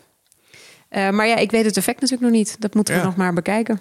Was er laatst niet, uh, als het ging om ratten en dit onderdeel, niet een of ander uh, vervelende constatering dat veel van ons medisch onderzoek volgens mij gebaseerd is op ratten? Ratten die, waarbij iets mis was hiermee. Waar, waarbij we dachten dat, oh, dit werkt zo bij mensen, maar die ratten die hadden een soort preselectie om die dingen oh. vanuit zichzelf. Ja, ik weet niet of dat iets voor jou kietelt. Maar dat was toevallig ook in de longevity hoek. Trek me even omdat je zei. Ja, dat zou kunnen. Ja, nee, ik heb dat, ik heb dat niet gelezen. Nee. Nevermind. Ik wil niet zeggen dat het niet zo is. Het is overigens, ik, ik onderzoek dit natuurlijk, maar ik ben er geen uh, expert in. Ja, um, maar als, uh, als, als trendwatcher, hè? Uh, iemand die, die ook nadenkt over de toekomst. Um, wat is voor jou een reden? En ik denk dat ik hem al weet, maar ik wil toch de vraag even gesteld hebben. Waarom moeten we dit niet willen als mensen? Waarom moeten we geen 500 plus oude mensen op deze planeet willen hebben? Stel het zou kunnen. Stel ja. we zouden die escape velocity weten te behalen. Wat is dan de reden om het niet te doen? Het past niet. Oké, okay, maar dan zeg ik uh, space habitats. Kolonisatie van Mars. Ja. Je hebt die hele simpele quote, there's no planet B. In plaats van there's no plan B. Mm -hmm. Het is, uh, de, ik denk dat je dan weer aan het thema hedonisme raakt.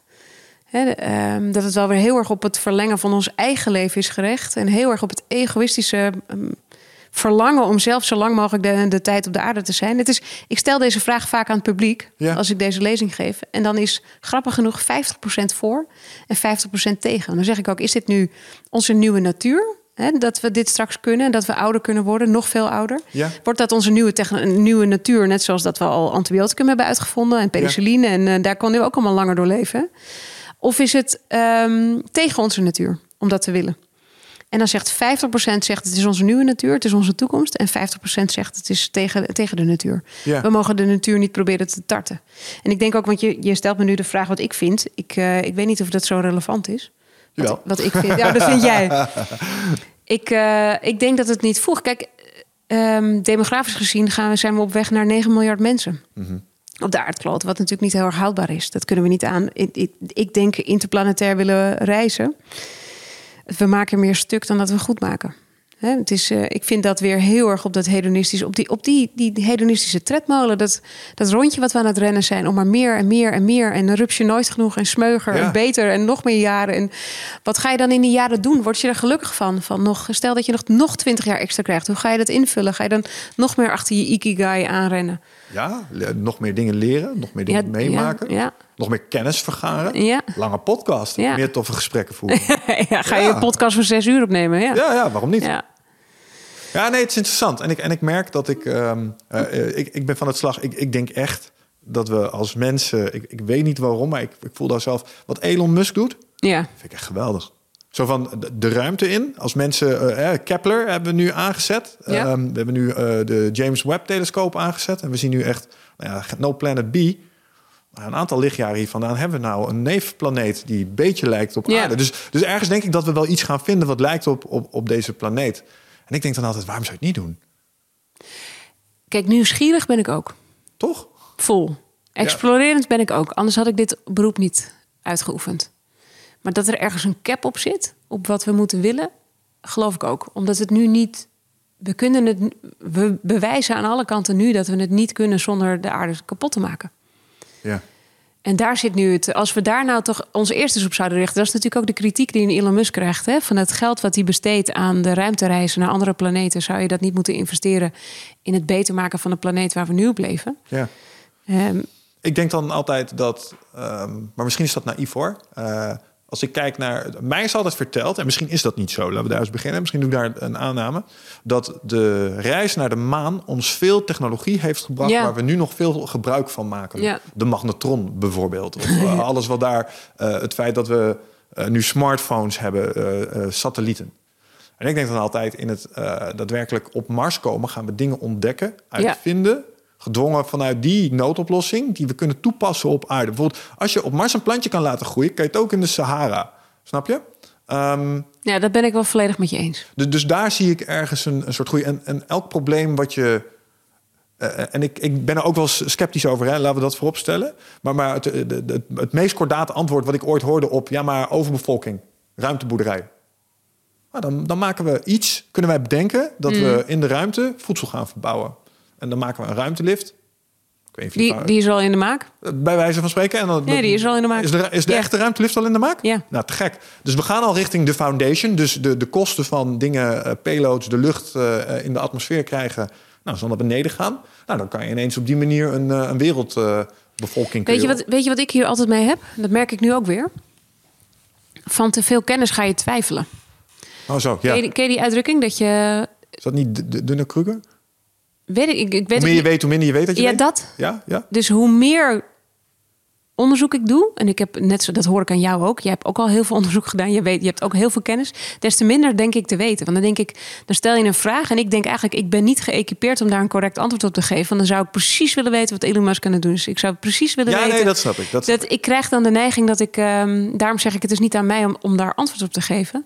Omdat ik dan het gevoel heb dat ik hier bijna weer een heel onderzoek in zou willen, voor in willen duiken. nee. Om er een correct antwoord op te geven. Want als ik jou nu hoor praten, denk ik, ja, dat klopt ook. Weet je, je die exploderende geest heb je nodig om weer nieuwe uitvindingen te doen. En daar ga je, komt er weer een nieuwe wereld, wordt er opengebroken, waardoor je daar weer dingen gaat ondervinden.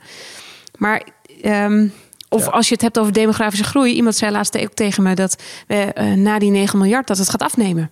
Denk ik weer, oh wacht even, dan is daar weer een hele een nieuwe wereld om te ontgingen. Een vergrijzing, dat soort dingen. Ja, omdat er andere keuzes worden gemaakt. En dan zou het misschien wel weer heel boeiend kunnen zijn om menselijk leven te verlengen. Ja, Ja, en vanuit ruimtevaartperspectief sowieso. Hè. Eh, op dit moment halen we maar een fractie van de lichtsnelheid. Dus we zullen mensen of generaties moeten hebben, of misschien wel AI, die ons vertegenwoordigt daar. En dat is allemaal technologische ontwikkeling, ja. waar we nu allemaal middenin zitten, die ja, tot stand komt door onze experimenten, misschien in ons eigen zonnestelseltje als het gaat om eh, eh, verkenning. Maar als, altijd als ik een toekomstexpert heb, vind ik het altijd even interessant om erover te spreken. En dan ben je misschien wel niet volledig onderlegd in de thematiek, maar je hebt er al wel een beetje over nagedacht. En dat beïnvloedt mijn denken ook weer daarin. Want ik probeer er ook een, een goed antwoord op te vinden. eh, wat daarna. ja en ik, ik denk dus niet dat er een eenduidig antwoord is. Ik denk dat dat mijn antwoord is. Ik denk niet dat je kan zeggen links is goed of rechts is goed. Nee, nee. Daar geloof ik gewoon niet in. Maar ik ik- denk ook dat het te simplistisch gedacht is. Ja, Wel- ja wellicht. Eh, Natuurlijk, natuurlijk. Wat vaak zo is met gedachte-experimenten. Maar ik, ik, ben wel, ik denk dat ik ook met je eens ben wat je zei over... ehm, de primaire driver voor mij, even los van nieuwsgierigheid om dit te willen... is directe persoonlijke winst. Dus langer leven, meer meemaken, meer Ja. beleving, meer Ja. ervaring. Ja, Ja. ja. nee, natuurlijk, 100%. Ja. Kijk, vraag als- is, is dat erg? Nee, dat denk ik niet. Want ik, ik denk ook, en als het wel erg zou zijn, eh, dat haal je er niet uit. Want dit heeft elk mens. Uiteindelijk kies je altijd, even heel cru gezegd, voor jezelf. Ja. Ja, dat is, je ziet wel eens in de. Ik heb ook wel veel interviews gegeven over de tijd van eh, in, in coronatijd. En of nu in de, omdat ze dan vragen om een tijdgeestanalyse. Nu dat we mensen uit Oekraïne heel erg aan het helpen zijn. Van is er eh, een soort verschuiving gaande? Zie je dat we van egoïsme naar altruïsme op weg zijn als maatschappij? Hè? Beginnen we steeds meer om de ander te geven in plaats van om onszelf? Zie je dat we tijdens corona het eh, collectieve belang boven het individuele belang hebben gezet? Aan, aan de ene kant wil je zeggen, ja, dat zie je, want we, we doen het samen. We zijn elkaar aan het helpen. We zijn Oekraïners aan het opvangen. En tegelijkertijd weet je, ja, maar als het even niet uitkomt, dan kiezen we weer voor onszelf. ja, We, zijn heel snel weer, we komen heel snel weer terug in ons eigen padje. En we doen het ook als het onszelf uitkomt. Uiteindelijk is het toch vaak egoïstisch gedreven. Als ik heel optimistisch kijk naar de Oekraïne, dan heb ik daar iets hervonden wat ik tijdens de pandemie ben verloren. Namelijk het geloof dat als wij als mensheid, stel we gaan even terug naar ruimtereizen. We komen erachter dat twee sterren verderop zit iets. Lijkt op ons ongeveer even ver. Snap je? Dan, dan was mijn stelling altijd, oké, wij als mensen zijn dan ineens net zoals Nederlanders op vakantie. Snap je? Ja, ja. Dus als er iets gebeurt, zijn, we Nederlanders met elkaar. En, nou zijn we ineens met z'n allen aardlingen. Want in dezelfde zandbak zit iets anders. En tijdens COVID ben ik dat heel even kwijtgeraakt. Ik dacht, nee, nee, dan gaan we alleen maar over ruzie. Dan gaan we alleen maar even soebatten. Gaan we alleen maar eh, discussie voeren over hoe we hiermee om moeten gaan. Aanvallen of accepteren, whatever. Dus dat, dat gaat voor eh, polarisatie zorgen, dacht ik. Toen was de pandemie voorbij, toen kwam de Oekraïne. Nu zijn we Europeanen. Nu zijn we ineens Europeanen. Is er een groot kwaad waar we ons met z'n allen tegen verzetten. En Ja. zie ik iedereen ineens zichzelf uitlijnen tegen dat grotere doel. En daar heb ik een klein, klein beetje van... eh, nou, heb ik best wel veel van de hoop daarin herwonnen. Zit van, zie, we kunnen het toch wel. Aan de andere kant, als ik weer daar weer even cynisch op word... en ik ga een klein beetje... Wat ik, ja, ik ga een klein beetje cynisch worden... dan denk ik, ja, maar het staat ook wel heel goed nu... om voor de Oekraïne te zijn. Ja. Met andere woorden, eh, als ik nu eh, het, het geel-blauwe vlaggetje post... of ik voeg dat toe aan mijn LinkedIn-profiel... Ik ga daar dingen... Dan ga ik virtue signalen. Dan ga ik zeggen, kijk, mij eens even medelevend zijn. En, ik, en als ik heel Dus- cynisch ben, dan denk ik, dat gebeurt. Ja, dat, dat gebeurt vol. En dan zit je toch weer op het egoïsme. Je zit toch Ja. weer op de eerste berg. Je bent het toch weer aan jezelf aan het relateren. Weet je wat, even om het te knopen aan genot. Eh, dat zorgt er ook voor dat je genotcircuit in je brein oplicht. Ja, ja. Want het geeft jou een, ge- een goed gevoel over jezelf. Ik weet niet of je dit onderzocht hebt en of dit waar is. Maar ik heb een keer gelezen dat, dat je kan nadenken over mensen helpen. Dan kan je al voelen alsof je het gedaan hebt. En Ja. dat is dan genoeg voor je brein. Exact. En dan doe je het daarna niet meer. Exact. Dat is echt zo. Ja, dat is echt zo. Oh, dat is echt verschrikkelijk. Ja, dat werkt zo. Ja, dat is het genot van geven, wat ook in je brein zo werkt. En, eh, weet je, eh, het grappige is, je hebt het ook met belastingdienst, eh, met ge- geld overmaken aan de belastingdienst. geeft, geeft je ook een shot genot, gek genoeg. Omdat je dan iets goeds doet. Dat hebben ze ook onderzocht. Ah. Ja, maar wat jij zegt is waar. Eh, zelfs erover nadenken geeft je al een goed gevoel, nog zonder dat je het doet. Ja, interesting. Wat ook overigens interessant is, omdat ze bij de, ook weer even over een rat, toen ze met een rat die aan het conditioneren waren, dat hij in een bepaald kamertje cocaïne kreeg of een bepaalde stof, ik weet niet meer precies wat het was, iets wat hij lekker vond. Ehm, elke keer dat hij in het kamertje kwam en ze maakte een bepaald licht, dan maakte hij al dopamine aan. Dan was dat ratje al gelukkig nog voordat hij de stof kreeg. Omdat hij zo geconditioneerd was van in dat kamertje krijg ik het. Dus zelfs het niet krijgen gaf dat, rotje, eh, dat ratje al een genotshot. Ja, En dat vond ik heel interessant. Eh, daar heb ik ook even naar gekeken in mijn boek. Van, hey, zou dat voor mij ook niet kunnen werken? Dus dat je de belofte op het middel... het hunkeren, het smachten, het, wa- het water in je mond voelen lopen... dat je daar al gelukkig van wordt... en het dan vervolgens niet hoeft te hebben. Ik heb een keer iemand zien stoppen met roken en die deed precies dit. Die deed de peuk op zijn lip. Ja. En, en hij stak hem verder niet aan. Nee, dus de, de belofte die je niet inwilligt. Instant. Ja, maar dat is ook een beetje jezelf- delayed gratification. Dat klinkt als Dat, een... eh, dat is het. Dat is het. Het is het uitstellen van je verlangen. Alleen de vraag is... eh, hoe lang hou je dat Ja, vol? ik wou net zeggen, want als dit seksueel zou zijn, dat zou de grootste eh, blue balls ever opleveren. Ja, een soort tantra Ja, dat is, max. eh, dat is Ja. zeer moeilijk, lijkt me dat. En, aan aan de andere kant, ik, ik moet heel even zoeken, want ik had een ding opgeschreven en dat was een ehm gedachte-experiment volgens mij, als het hier om ging. Even kijken. Ja, ehm, want dat, die ratten hè, en, en dat stukje genot. Ehm, als je zou zeggen, eh meest menselijk gedrag is gedreven vanuit egoïsme en van eh genotsnajagen. Ehm, als je Huxley erop naslaat, hè, dat, dat zou in, in eh, zijn dystopie. Brave New World, zou dat het me- een van de mechanismes zijn waardoor de wereld bestuurd zou kunnen worden. Hè? Ja, ik wil zeggen één van de mechanismes. Want uiteindelijk is dat niet waar mensen echt gelukkig van worden natuurlijk. Nee. Nou, dat is dus het ding, want ik dacht altijd, daar zit best wat in. Hè, als je dan in je, in je meest cynische moment even om je heen naar de maatschappij kijkt, denk je. Mhm. You could be right, man. Het is een soort combinatie tussen Orwell en Huxley geworden. Het was niet Ja. dit was geen handleiding, jongens, weet je wel. Het was een waarschuwing. Totdat ik in jouw, Ja, ja. In jouw boek iets las ehm, over Robert Nozick. Ja, En toen dacht ik, oh, maar wacht even. Er zijn dus blijkbaar dingen. En hij noemt dat de experience machine. Eh, en er zijn drie dingen die hierboven uitstijgen. Welke drie dingen waren dat? Oh, dat is een overhoring. Even denken. Ik denk dat je eerst even de experience machine moet uitleggen. Want de experience machine gaat er natuurlijk over. Er wordt je dan aangeboden om bijvoorbeeld heroïne te nemen. Waarbij je niet de negatieve effecten hebt. Superheroïne. Superheroïne. Dus goed. wil jij, zou jij superheroïne nemen waarbij jij van tevoren weet ehm, dat het niet slecht voor je is, dat het niet verslavend is, dat het je de meest unieke ervaring geeft. Het is geweldig. Ehm, zou je het dan nemen? En dan zegt hij: de grote kans dat jij dit accepteert is heel klein. Overigens zou ik het dus accepteren. Ik Ja, zou denken, dat wil ik wel. Ja, dat, dat Ja, dacht ja. ik al. Ik, op het moment dat je het zo bij schetst, denk ik, ja, doe ik. Nou, hij zegt in het ex- experiment blijkt dus dat heel veel mensen dat uiteindelijk niet accepteren. Omdat wat uiteindelijk veel mooier is dan dat, is de echte ervaring. Iets delen met een ander. Hmm. En wat is de derde? Want dat weet ik echt niet meer. Ik heb het Ook denk je, hebt ze alle drie opgeschreven. Ja, zo nee, nee, nee, niet. ja, nee, die heb ik er dan weer niet bij. Dit was een, voor, dit was een voorzetje voor je. Ja, nee, ik weet ze Ik niet. kan hem er even bij nee, ik weet ze niet. Er waren dingen die er bovenuit steken. Nou ja, en, en iets dat, dat een eh, ervaring echt is. Dat, het, dat is dus niet dat het een eh, simulans is, wat in feite van die machine het geval is. Mhm. Eh, en dat je iets deelt met een ander. Die, die zijn, die zijn mij heel erg bijgebleven, die twee. Volgens mij was ook een component dat het iets waardevols had voor een ander. En dat we ook weer overlap hebben met Ikigai. Dan dacht ik, Oh ja, dat zou daar- kunnen. Daar, zit hij weer. Ja. Ja, interessant. Oké. Ehm, ja, eh, dan, dan weer even terug naar waar we het net over hadden. Hè. Als het gaat over wel of niet ehm, eh, de dood willen uitbannen. eh, en wat je met je leven wil doen en of het waarde heeft, heeft denk ik ook voor een belangrijk deel te maken met wat je gelooft dat er na de dood komt. Ja. Denk ik. En nou, allereerst, eh, de, eh, wat is jouw. eh, mag ik vragen wat je geloofsovertuiging is als het gaat om dood? Na de dood is er niks. Na de dood is er niks. Nee, rust. Rust. Leegte, zwart. Eindelijk slapen. Nou, weet je, wat ik dus heel, wat, wat wel gek is in mijn hoofd. Ehm, wat voor mij de drank deed, was ook even niks. Even niks hoeven. Ik ben ook bijvoorbeeld heel erg gek op slapen. Ja. En ik vergelijk de dood, dus met het moment dat je die fles hebt geledigd, dat het allemaal zwart is en dat je even niks hebt en dat je slaapt. Dat is voor mij de dood. Dat is waarschijnlijk ook waarom ik er niet eh, een groot dystopisch beeld bij heb. Voor mij is dat wanneer het licht gedempt wordt en je op rust bent. Dus je, je glijdt in slaap en dan is er dood. Als je een mooie dood mag hebben. Ja. Dat is voor mij dood. En er is voor mij geen eh, leven in het hiernamaals. Ik heb geen eh, goddelijke overtuiging. Nee. Eh, niks van dat al. Nee. Want als die er wel zou zijn. Oké, dat vind ik dus interessant. Want je zou zeggen dat een overtuigd atheïst minder problemen heeft met zijn leven verlengen en misschien onsterfelijk worden. Kijk, als jij verwacht dat in het hiernamaals jij je schepper gaat ont- ontmoeten, je, je familie, Ja. eh, dan zou je er bijna naar uit kunnen kijken om naar Ja. gene zijde te gaan. Maar dat is ook wat ik dus heel vaak in de zaal hoor.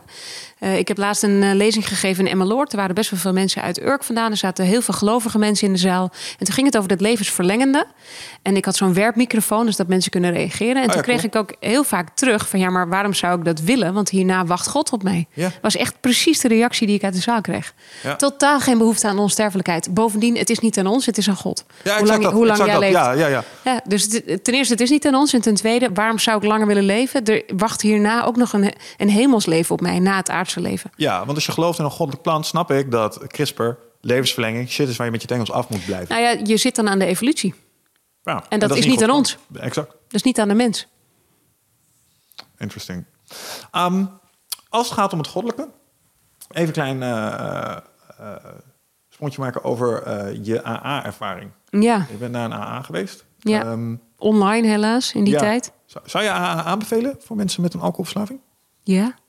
Ja, ik, ik moet wel zeggen dat het, het begon ook inderdaad met eh, een voordracht in het Engels. eh, wat vrij goddelijk was. Daar moet ik dan even op schakelen. Ik vind dat ehm, last, lastig, het religieuze erin, het dogmatische.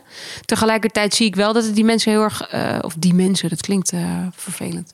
Ik merkte wel dat in de groep waar ik ehm, in mee mocht kijken...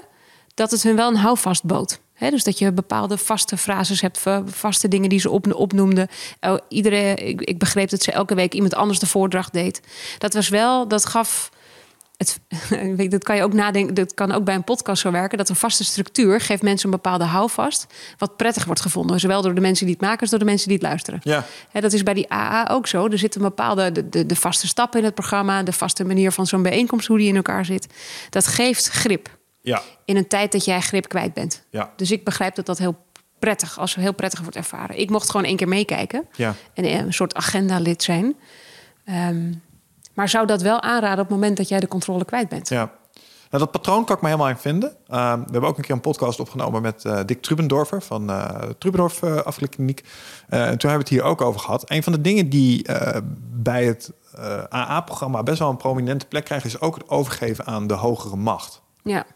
Hoe kijk je daar tegenaan vanuit een eh, perspectief vanuit het proberen te overwinnen van alcoholisme? Nou, ik heb geen AA-programma gevolgd. Dus ik ben niet zo ver gekomen. Ik weet wel dat dat er is, maar ik weet er niet genoeg van om daar. Uh... Kijk, ik weet bij mij dat het bij mij niet werkt. Hmm. Interessant. Ik ben, te, ik ben zelf te nuchter. Waarschijnlijk is dat ook het cynisme wat je in mijn boek leest. Wat, jij, er, wat jij eruit filtert. Dat je af en toe, dat is, mijn, dat is toch mijn reden. Mijn, ook wat jij zegt, het denken wat bij mij uh, overheerst. Ik, ik ben wetenschappelijk geschoold, ben atheïstisch opgegroeid. opgegroeid. Um, en zou mij niet over kunnen geven aan een hogere macht die buiten mij ligt. Mijn God zit in mij. Ik, mm -hmm. Dat is die, toch weer die maakbaarheidsfilosofie die mij verder helpt in mijn leven. Ja. Ik moet het zelf doen.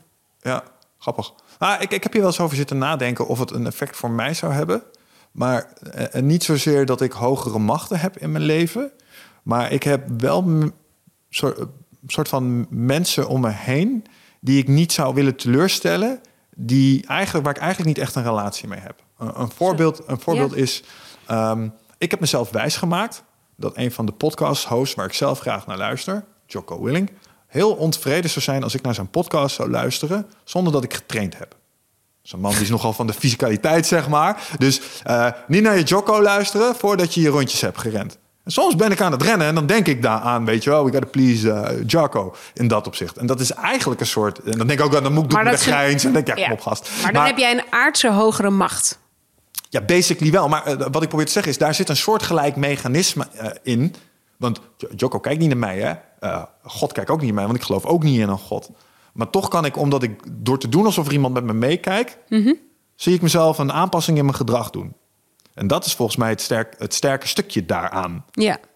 Alleen het hoeft niet per se een echt bestaande macht te zijn, is wat ik zeg. Nee, maar hoe koppel je dat nu aan de AA en de hogere macht die zij?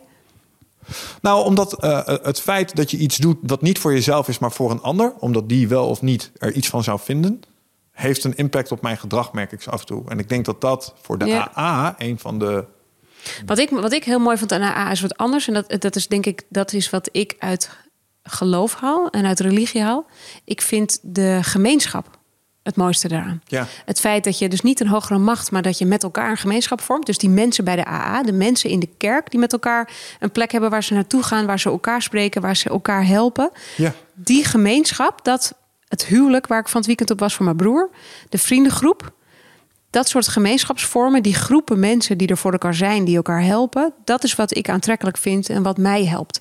Dat is waarom ik bij de AA was en dacht: oké, ik, ik mag agendalid zijn. Ik, ik was ook niet echt welkom zeg maar, bij de AA. Als, ik, ik mocht niet blijven, want ik ben niet verslaafd. Dus nee. ik, ik, mag even komen kijken. Maar ik voelde daar, ik had, dat ik erbij was, had ik een gevoel van... oh, hier wil je eigenlijk bij horen. Ik wil in dat warme bad van die gemeenschap stappen. Ja. En dat is ook wat ik het aantrekkelijke en het fijne vind van de kerk... wat ik daarbij voel. Ik was laatst een lezing geven in een uh, jeugdgroep, een kerkelijke groep. Toen dacht ik ook, ik wil bij deze groep blijven horen. Ja. Want ik vind dat gevoel, echt dat laaf, dat vind ik heerlijk. Maar de hogere macht... Ja daar distancieer ik mezelf van. Ik begrijp precies wat je bedoelt. Ik heb een vriend die is voorganger in de Pinkster gemeente. Geweldig. Nog nooit zo'n vriendelijke groep ja. mensen meegemaakt. Dat ja, is echt, die, daar wil je bij horen. Nou ja, die, dat zijn echt mensen waarvan ik 100% overtuigd ben dat ze naast je zitten en over God praten met je, omdat ze zo graag willen dat jij ja. dat, je, dat je het haalt, dat je ook naar de hemel mag. Weet je wel? Dat, dat is, er zit een en dat is inderdaad net wat je zegt, dat is een soort warm bad. Alleen ja, dan ga ik de dogmatische uh, kant gaan dat... analyseren in mijn hoofd en dan kom ik niet uit. En nee. Dan, maar dan mis ik wel iets door eigenlijk. Exact. Maar daarom is het fijn dat zo'n AA zich openstelt, dat je daar even bij kan. Dat je, je hebt ook bijvoorbeeld de kerk van Tim Vreugdeheel nu, de Citykerk. Die brengt daar, hij is dominee in Amsterdam en hij brengt gelovigen en ongelovigen bij elkaar. Omdat hij voelt dat mensen zoals wij hier dus enorm behoefte aan hebben. Maar dat zonder het dogma willen. Ja. Dus heeft hij een kerk voor uh, zonder dogma. Je hebt ook de, uh, je hebt allerlei emerging churches noem je dat. Allerlei soorten kerkverbanden die er zijn zonder dogma, zonder geloof. Of tenminste zonder geloof in het goddelijke, maar in, door het geloof in de mensen te delen. Mm -hmm. En dat vind ik uh, toe te juichen. Hè? Ja. Denk maar even aan de uitvaart toen de tijd van André Hazes in de arena. Ik weet niet of je dat de beelden nog weet op de tv, hoe ontzettend druk het was. En de arena werd in één keer een rituele ruimte. Dat werd een kerk. Mm -hmm. Dat is fantastisch. Dan zie je in één keer één grote geloofsgemeenschap rondom André Hazes. Ja, daar, daar, kan ik, daar kan ik me aan laven. Dat is voor mij een soort kerkgevoel. Ja, ja, laten we daar nog heel even kort uh, op doorgaan. Um, klopt toch dat jij je eerste onderzoek als toekomstonderzoeker uh, hebt gedaan naar een soort van het afnemen van het geloof? Naar wat? Naar het afnemen van ja, geloof. nou, ja, naar de, ja, exact. De Ja. toekomst van de kerk. Dus eh, steeds meer overtuigd atheïsten, Ja. eh, niet eens agnostisch. Maar Ja, toen net die cijfers van het, eh, van het CBS kwamen toen uit. Dat, ehm, dat was het kantelpunt dat er 51% ongelovige mensen waren in Nederland en 49% gelovig. En gelovig kan dan vanuit van alles bestaan. Hè? ja. En eh, ik dacht altijd, vanuit persoonlijke... Ik ben een tijdje militant atheïst geweest. Ik vond geloof maar de bron van alle ellende. Nu, Mhm. Ja. nu ik ouder word, merk ik, het is heel belangrijk. Ehm, dus ik weet niet zo goed of ik het wel een positieve ontwikkeling vind. Dat we steeds meer en meer eh, overtuigd atheïsten zijn. Omdat ik Ja, denk dat dat, dat, ik- dat, dat, we iets mislopen in het... Ja, dat helpt ons niet. Nee, oh, dat, dat vind jij ook. Ja, dat vind ik ook. Kijk, het is. ehm, wij kunnen afstand nemen van het dogmatische. Dat doen wij nu hier in dit gesprek ook. Eh, maar dat wil niet zeggen dat je de christelijke waarden buiten, eh, buiten boord moet zetten. De christelijke waarde is ook heel erg wat, wij, wat ons als eh, Nederlanders Nederlanders heeft gemaakt. Wat onze tradities heeft gegeven, rituelen heeft gegeven. Wat een onderdeel van onze gemeenschap is. En ik denk dat je door eh, de kerk opzij te zetten, dat je, je moet niet de kind met het badwater weggooien. Je moet niet die religieus of die christelijke waarden weg willen gooien. Ehm, dus er, er is zeker een kans. Er is ook, ik denk ik, heel veel kans voor de kerk. Als ze dus ons weten te bereiken en ons naar binnen weten te halen. Ik heb ooit in een interview ook gezegd van misschien moeten we een keer Harry Potter in de kerk bespreken. Hè? Want dat is een, voor mij een soort bijbel. Omdat ik daar ook een soort veilige wereld vind en, een, en magische creaturen en eh, mythische wezens en verhalen die elkaar verbinden. Het is een beetje de held met de duizend gezichten die Ja, zich op die manier. exact dat, ja. daar kan ik me helemaal, helemaal in vinden. Ik heb dat met Lord of the Rings. Ja, de, ik ook. Ja. Beide. Ja, oh, grappig. Ja, Ja, ja. Die boeken, dat zijn, dat, dat zijn mijn bijbels. Ik ben recentelijk begonnen met de audioboeken van eh, Harry Potter. Oh. Omdat ik de audioboeken van Lord of the Rings helemaal grijs had gedraaid. Die staan op Spotify trouwens, als eh, podcast. Heb je het wel al gelezen? Nee, nog niet. dus ja, je Lord bent- of the Rings wel, maar eh, Harry Potter zelf niet. Die heb ik vooral als audioboek geconsumeerd. En ik heb het films natuurlijk. Ja, oh, de films ken je wel. Ja, oké. ja, ja. Dus nee, in dat opzicht. Maar nee, inderdaad. En zoals ik al eens met een knipoog zeg. Ik denk dat Jezus Christus de eerste Avenger was. Ja, Een soort template voor goed gedrag. ja. Nou ja, het is een soort archetype. hè? En dat is die, die held met die duizend gezichten. Dat is ook James Bond. En dat is ook eh, Harry Potter. En er zijn zoveel mensen die je... De, of zoveel, eh, jammer genoeg nog niet heel veel vrouwen... die ik nu zo in mijn hoofd springen. Maar er zijn natuurlijk zo ontzettend veel personificaties... die je daar neer kan zetten van eh, de goede mens. En waar het voor staat. En dat hoeft voor mij niet de Bijbel per se te zijn. Dat mag ook een ander verhaal zijn. En dat is iets wat een Tim Vreugde heel, heel goed begrijpt. Waarom hij andersoortige kerkdiensten organiseert. En waarom de mens ehm, in die seculiere samenleving ontzettend op zoek is naar een gedeeld verhaal. En wat is nu dat nieuwe gedeelde verhaal? Kunnen we niet een collectief verhaal bedenken? Kunnen we niet een mooi verhaal bedenken? Misschien is de toekomst wel het geloven, eh, het verhaal van de toekomst, het geloven in de toekomst überhaupt, dat we die hebben met elkaar. Dat we geloven in een, in een positieve toekomst met elkaar. Mooi.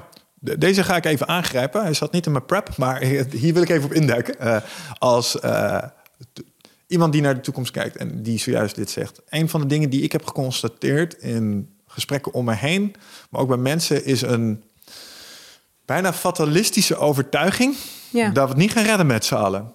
Ehm, en ik ben een dossier gestart. En wellicht kunnen we hier een stuk uithalen om daar aan toe te voegen. En ik noem dat Humanity Fuck Yeah.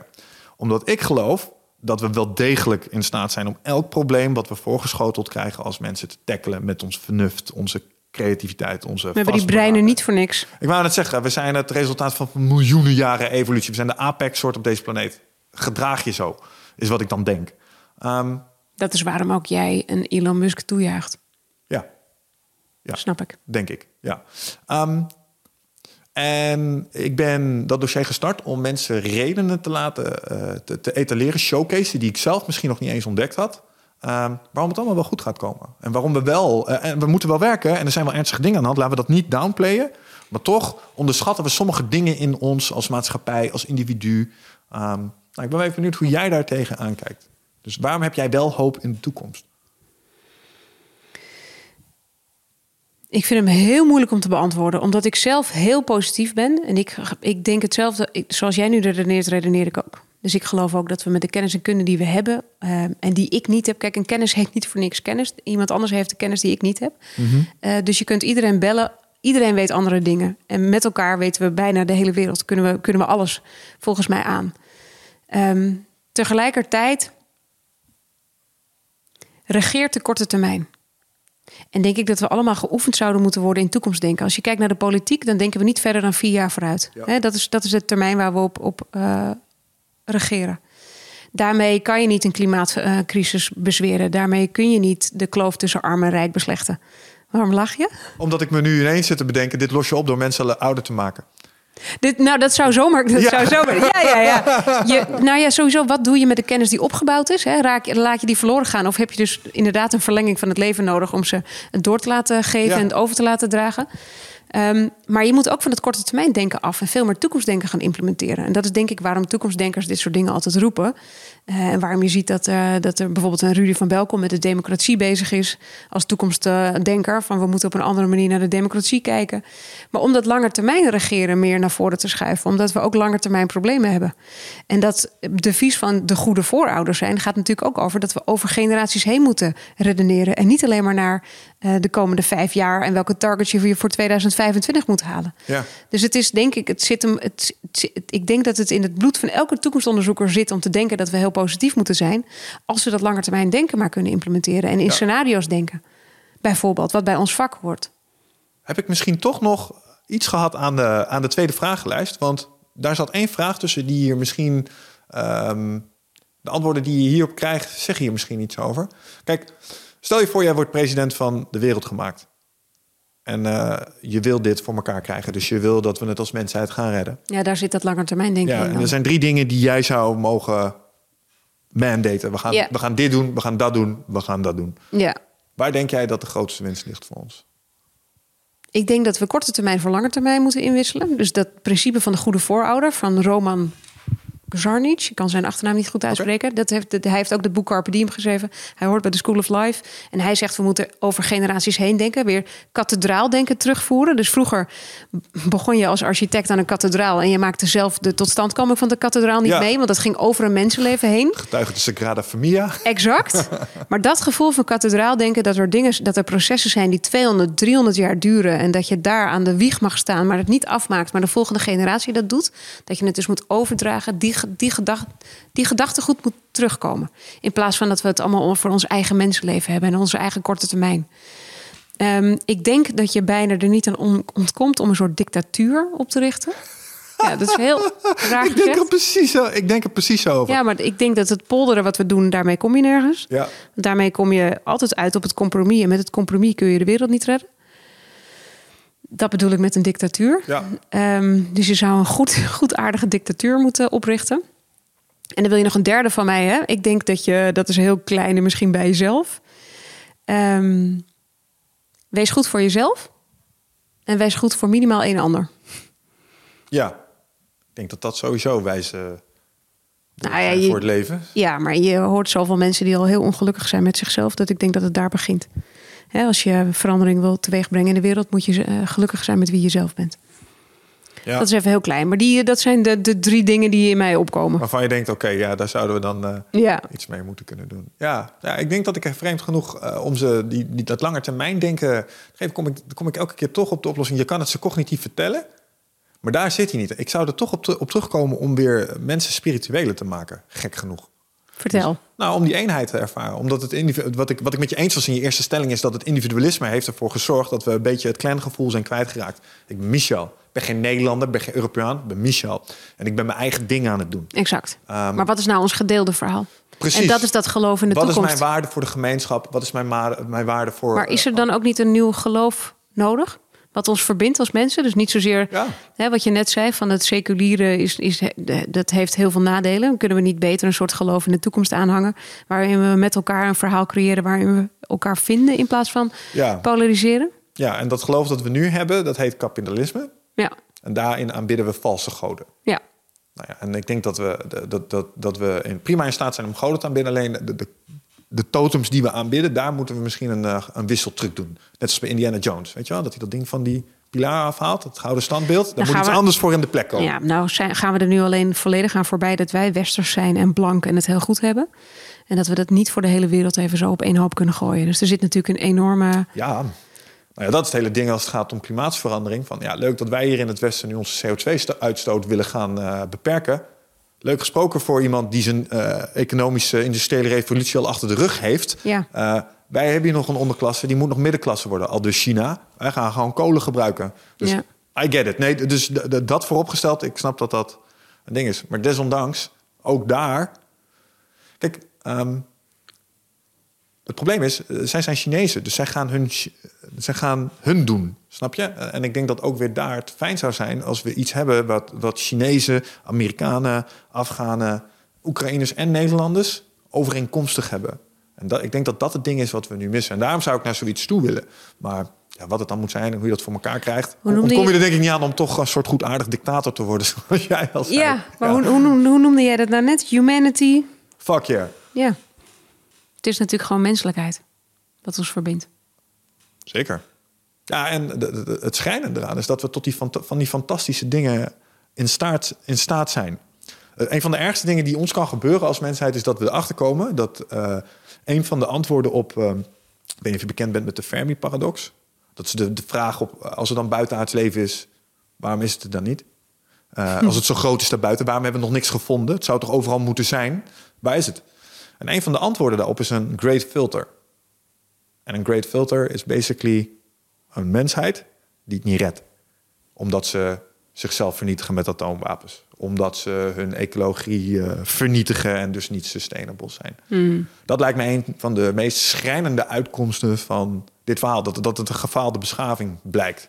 Die Ja. niet zijn piek haalt, maar net... Alleen maar in het dal. Ja, dus uit, uitblust. Ja. En daar zou misschien iets liggen. Daarom ben ik misschien ook zo- zo'n fan van Elon Musk. Het geeft een vooruitzicht dat even verder is als deze planeet of zo. Ja, dat begrijp ik wel. Ja. Interesting. Nou ja, en eh, nogmaals, eh, eh, religie zou daar een, een plek in kunnen hebben. Ja.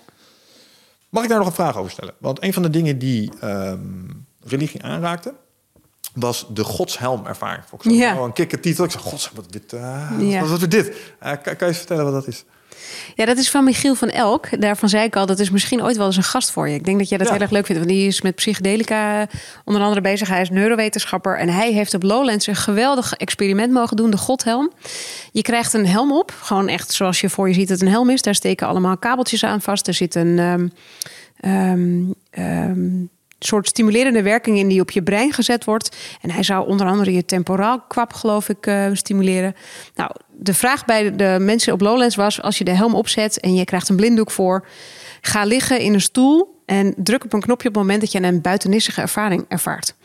En dan zijn er mensen die achter elkaar op dat knopje drukken... die de helm op hebben. Eh, er zijn mensen die helemaal niet drukken uiteraard. En er zijn mensen die ehm, vier keer drukken. Ja, je neemt alle, alle ervaringen tellen natuurlijk mee. Iedereen heeft dat anders. Ehm, en er werd achteraf in kaart gebracht wat, voor, wat, wat er gebeurde. Nou, mensen die zien fantastische dingen in hun hoofd. Die zien kleuren, die zien verschijningen. Die spreken met hun overleden vader. Allemaal hele mooie gebeurtenissen. En wat bleek, het bleek uiteindelijk dat die helm een placebo-helm is. Die, die kabeltjes die eruit steken, die gaan helemaal nergens naartoe. Er wordt helemaal niks gestimuleerd in jouw brein vanaf de buitenkant. Ehm, en die ervaringen, eh, die komen dus uit je eigen brein vandaan. Dus dat zijn persoonlijke ervaringen die je zelf oproept. Omdat er van zintuigelijke deprivatie gebruik gemaakt wordt. Hè? Je hebt een helm op, je hoort bijna niks, je ziet niks door de blinddoek. Ehm, en ik weet niet of je wel eens in een floating tank hebt gelegen. Zeker, Dan heb je dat, herken je dat misschien. absoluut. Lig je helemaal in het donker, je drijft alleen, je hoort niks, je ziet niks. En dan zie je de, ja, eigenlijk de beelden die je brein jou toewerpt. En dan zie je dus dat eigenlijk jouw brein een fantastische goddelijke ervaring kan geven aan je. Dat is de godhelmervaring. Ja, en zit het feit dat ze die dingen dan zien in het placebo-effect of in de sensory deprivation, denk jij? Eh, ik denk dat het eh, allebei waar is.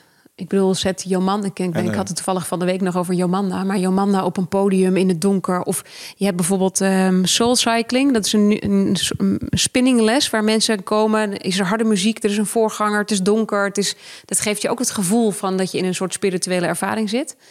Dus dat, dan wordt er juist weer ingespeeld op sommige zintuigen aanzetten en sommige zintuigen helemaal uitzetten. Dus doordat het donker is. Dus het heeft te maken met de zintuigen, maar het, eh, het heeft ook te maken met het idee dat je iets gaat ervaren. De belofte die je wordt voorgehouden. Dat bedoel jij met placebo, toch? Ja, Ja. Nou, nou, nou, het eh, feit dat, er, eh, dat je gelooft dat er iets gaat gebeuren. Ja, precies. En dat zal een effect hebben op Ja, wat je meemaakt. precies. Ja, het blijft voor mij een van de meest fascinerende eh, fenomenen die er is. Het placebo-effect. Ja, Als je het hebt over het mysterieuze van de hersenen. ja, wat dat ding kan. Er zit wel, lijkt wel een cap op te zitten. Het kan geen kanker weghalen bijvoorbeeld. Maar het kan wel echt in sommige gevallen... Ja, Geloven sommige mensen ook nog, hè? ja, ik weet niet of dat bewezen is alleen. Nee, maar dat, ik moet nu weer aan Jomanda denken, gek genoeg. Ja. maar die, die, de, Sylvia Millekamp is toen overleden... omdat eh Jomanda daar zover had gekregen... dat ze dacht dat ze zelf de borstkanker kon overwinnen, toch? Ja, ja, maar dat is het hele ding met placebo. Ik vind het een miraculeus eh, mechanisme. Dat we blijkbaar in staat zijn om eh, wel degelijk eh, invloed uit te oefenen op allerlei dingen door, door ons Door geloof. Op hoe we ons voelen en dus het, het fysieke effect. Maar het lijkt wel begrensd te zijn. Dus het is Ja. geen, eh, niet echt toveren. Nee. Nee. Ehm, in het verlengde van eh, floating, eh, de godshelm. eh, en laten we het maar even het anders moduleren van de hersenen noemen. Ehm, ik heb wel eens gedacht, zeker na mijn eerste ayahuasca-ervaring, ik had zo graag gewild dat ik mijn moeder hiermee naartoe had kunnen nemen. Hmm. Omdat ik denk dat dit iets voor haar had gedaan. Het heeft sowieso mij iets geleerd over alcoholisme. Ehm, Die ervaring met Ja. ayahuasca. ja, Wat heeft het jou geleerd over alcoholisme? Ehm, het heeft mij laten voelen hoe het is om een alcoholist te zijn. oh, Dus eh, een van ja, je kent ayahuasca, je Ja. schrijft er in je boek over. Het doet fascinerende dingen met je brein. Eh, en eh, een van de thema's die, ondanks dat ik daar niet echt zin in had op dat moment, die ik mocht behandelen, was mijn moeder. En eh, mijn frustratie was altijd als het ging om mijn moeder: van hoe kan je nou kiezen voor iets wat zo ontzettend slecht voor je is? Ik heb ook mijn verslavingen gehad, maar niks levert levenschirose op. Niks zorgt ervoor dat mijn ogen geel uitgeslagen zijn. Of dat mijn familie me dronken van de grond moest afrapen in mijn eigen viezigheid. Snap je? Dus ik heb dat nooit begrepen. Zo van, hoe kan je jezelf dit nou aandoen? hoe is het nu met je moeder? Die is overleden. Zo, Als gevolg van alcoholisme. echt waar. Ja, dus dat, is, dat, is, hè, dat was een trauma. Zo van, Ja. dit is iets wat ik niet kon veranderen. Totdat ik ayahuasca ging doen. Wat dat me liet zien, was hoe het was om echt alcoholzucht te ervaren. Dus eh, een van de dingen die het mij liet zien is je moeder... en daar heb ik zo nog een vraag over... maar jouw moeder vocht een soort uphill battle tegen de zucht die alcohol was. En jij denkt dat dat iets is, want als jij zin hebt in een blootje... dan zeg je, nee, not today, want je moet nog in de auto zitten. En dan doe je het s'avonds wel. Voor haar voelde dat zo. En toen kreeg ik een gevoel Oh. niet te stoppen. Gewoon nu, nu, nu, nu. Alles overheersend. Het, het, het domineerde alles. Dus jij voelde in één keer volledig begrip voor je moeder. Klik. Klik. Dit is hoe het was. Oh, natuurlijk kon ze dit. Fuck. En daar was ik boos om. Oh shit. En, en dus, nou, en dan het hele verwerken van alles wat dat dan betekent. Dus dat is. Hè. Maar demonstreerde mij wel. Oh, dit kan beerputten opentrekken. Want hier, hier liep ik pas tien jaar mee of zo, weet je wel. En eh, dit jast het in. eh, eh, en, en niet om ayahuasca en psychedelische middelen al te veel op voedsel te zetten. Want het vergt wel begeleiding. En, en dit was, was vast ook al een thema waar ik mee bezig was. Maar holy shit, het liet me wel de bocht omgaan. Dus het was het setje wat ik nodig had. En, en vooral daarna, weet niet, heb je wel eens een ayahuasca-ding gedaan? Nou, je gelooft echt even drie weken dat, dat toveren bestaat. Ja, dat geloof Ehm, ik, ja. dus ik het- durf het niet. Nee, oh, waarom niet? Vraag mag. Omdat ik verslavingsgevoelig ben. Oh, dat is geen issue. Nee, dat, dat weet ik. Maar ik, eh, de, het geestverruimende, dat is iets wat ik ehm, mezelf ontzeg.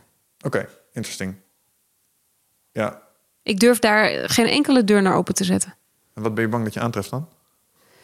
Eh, nou, ik, ik kan al op het moment dat ik oxycodon krijg of tramadol krijg, dan vreet ik al de strip op.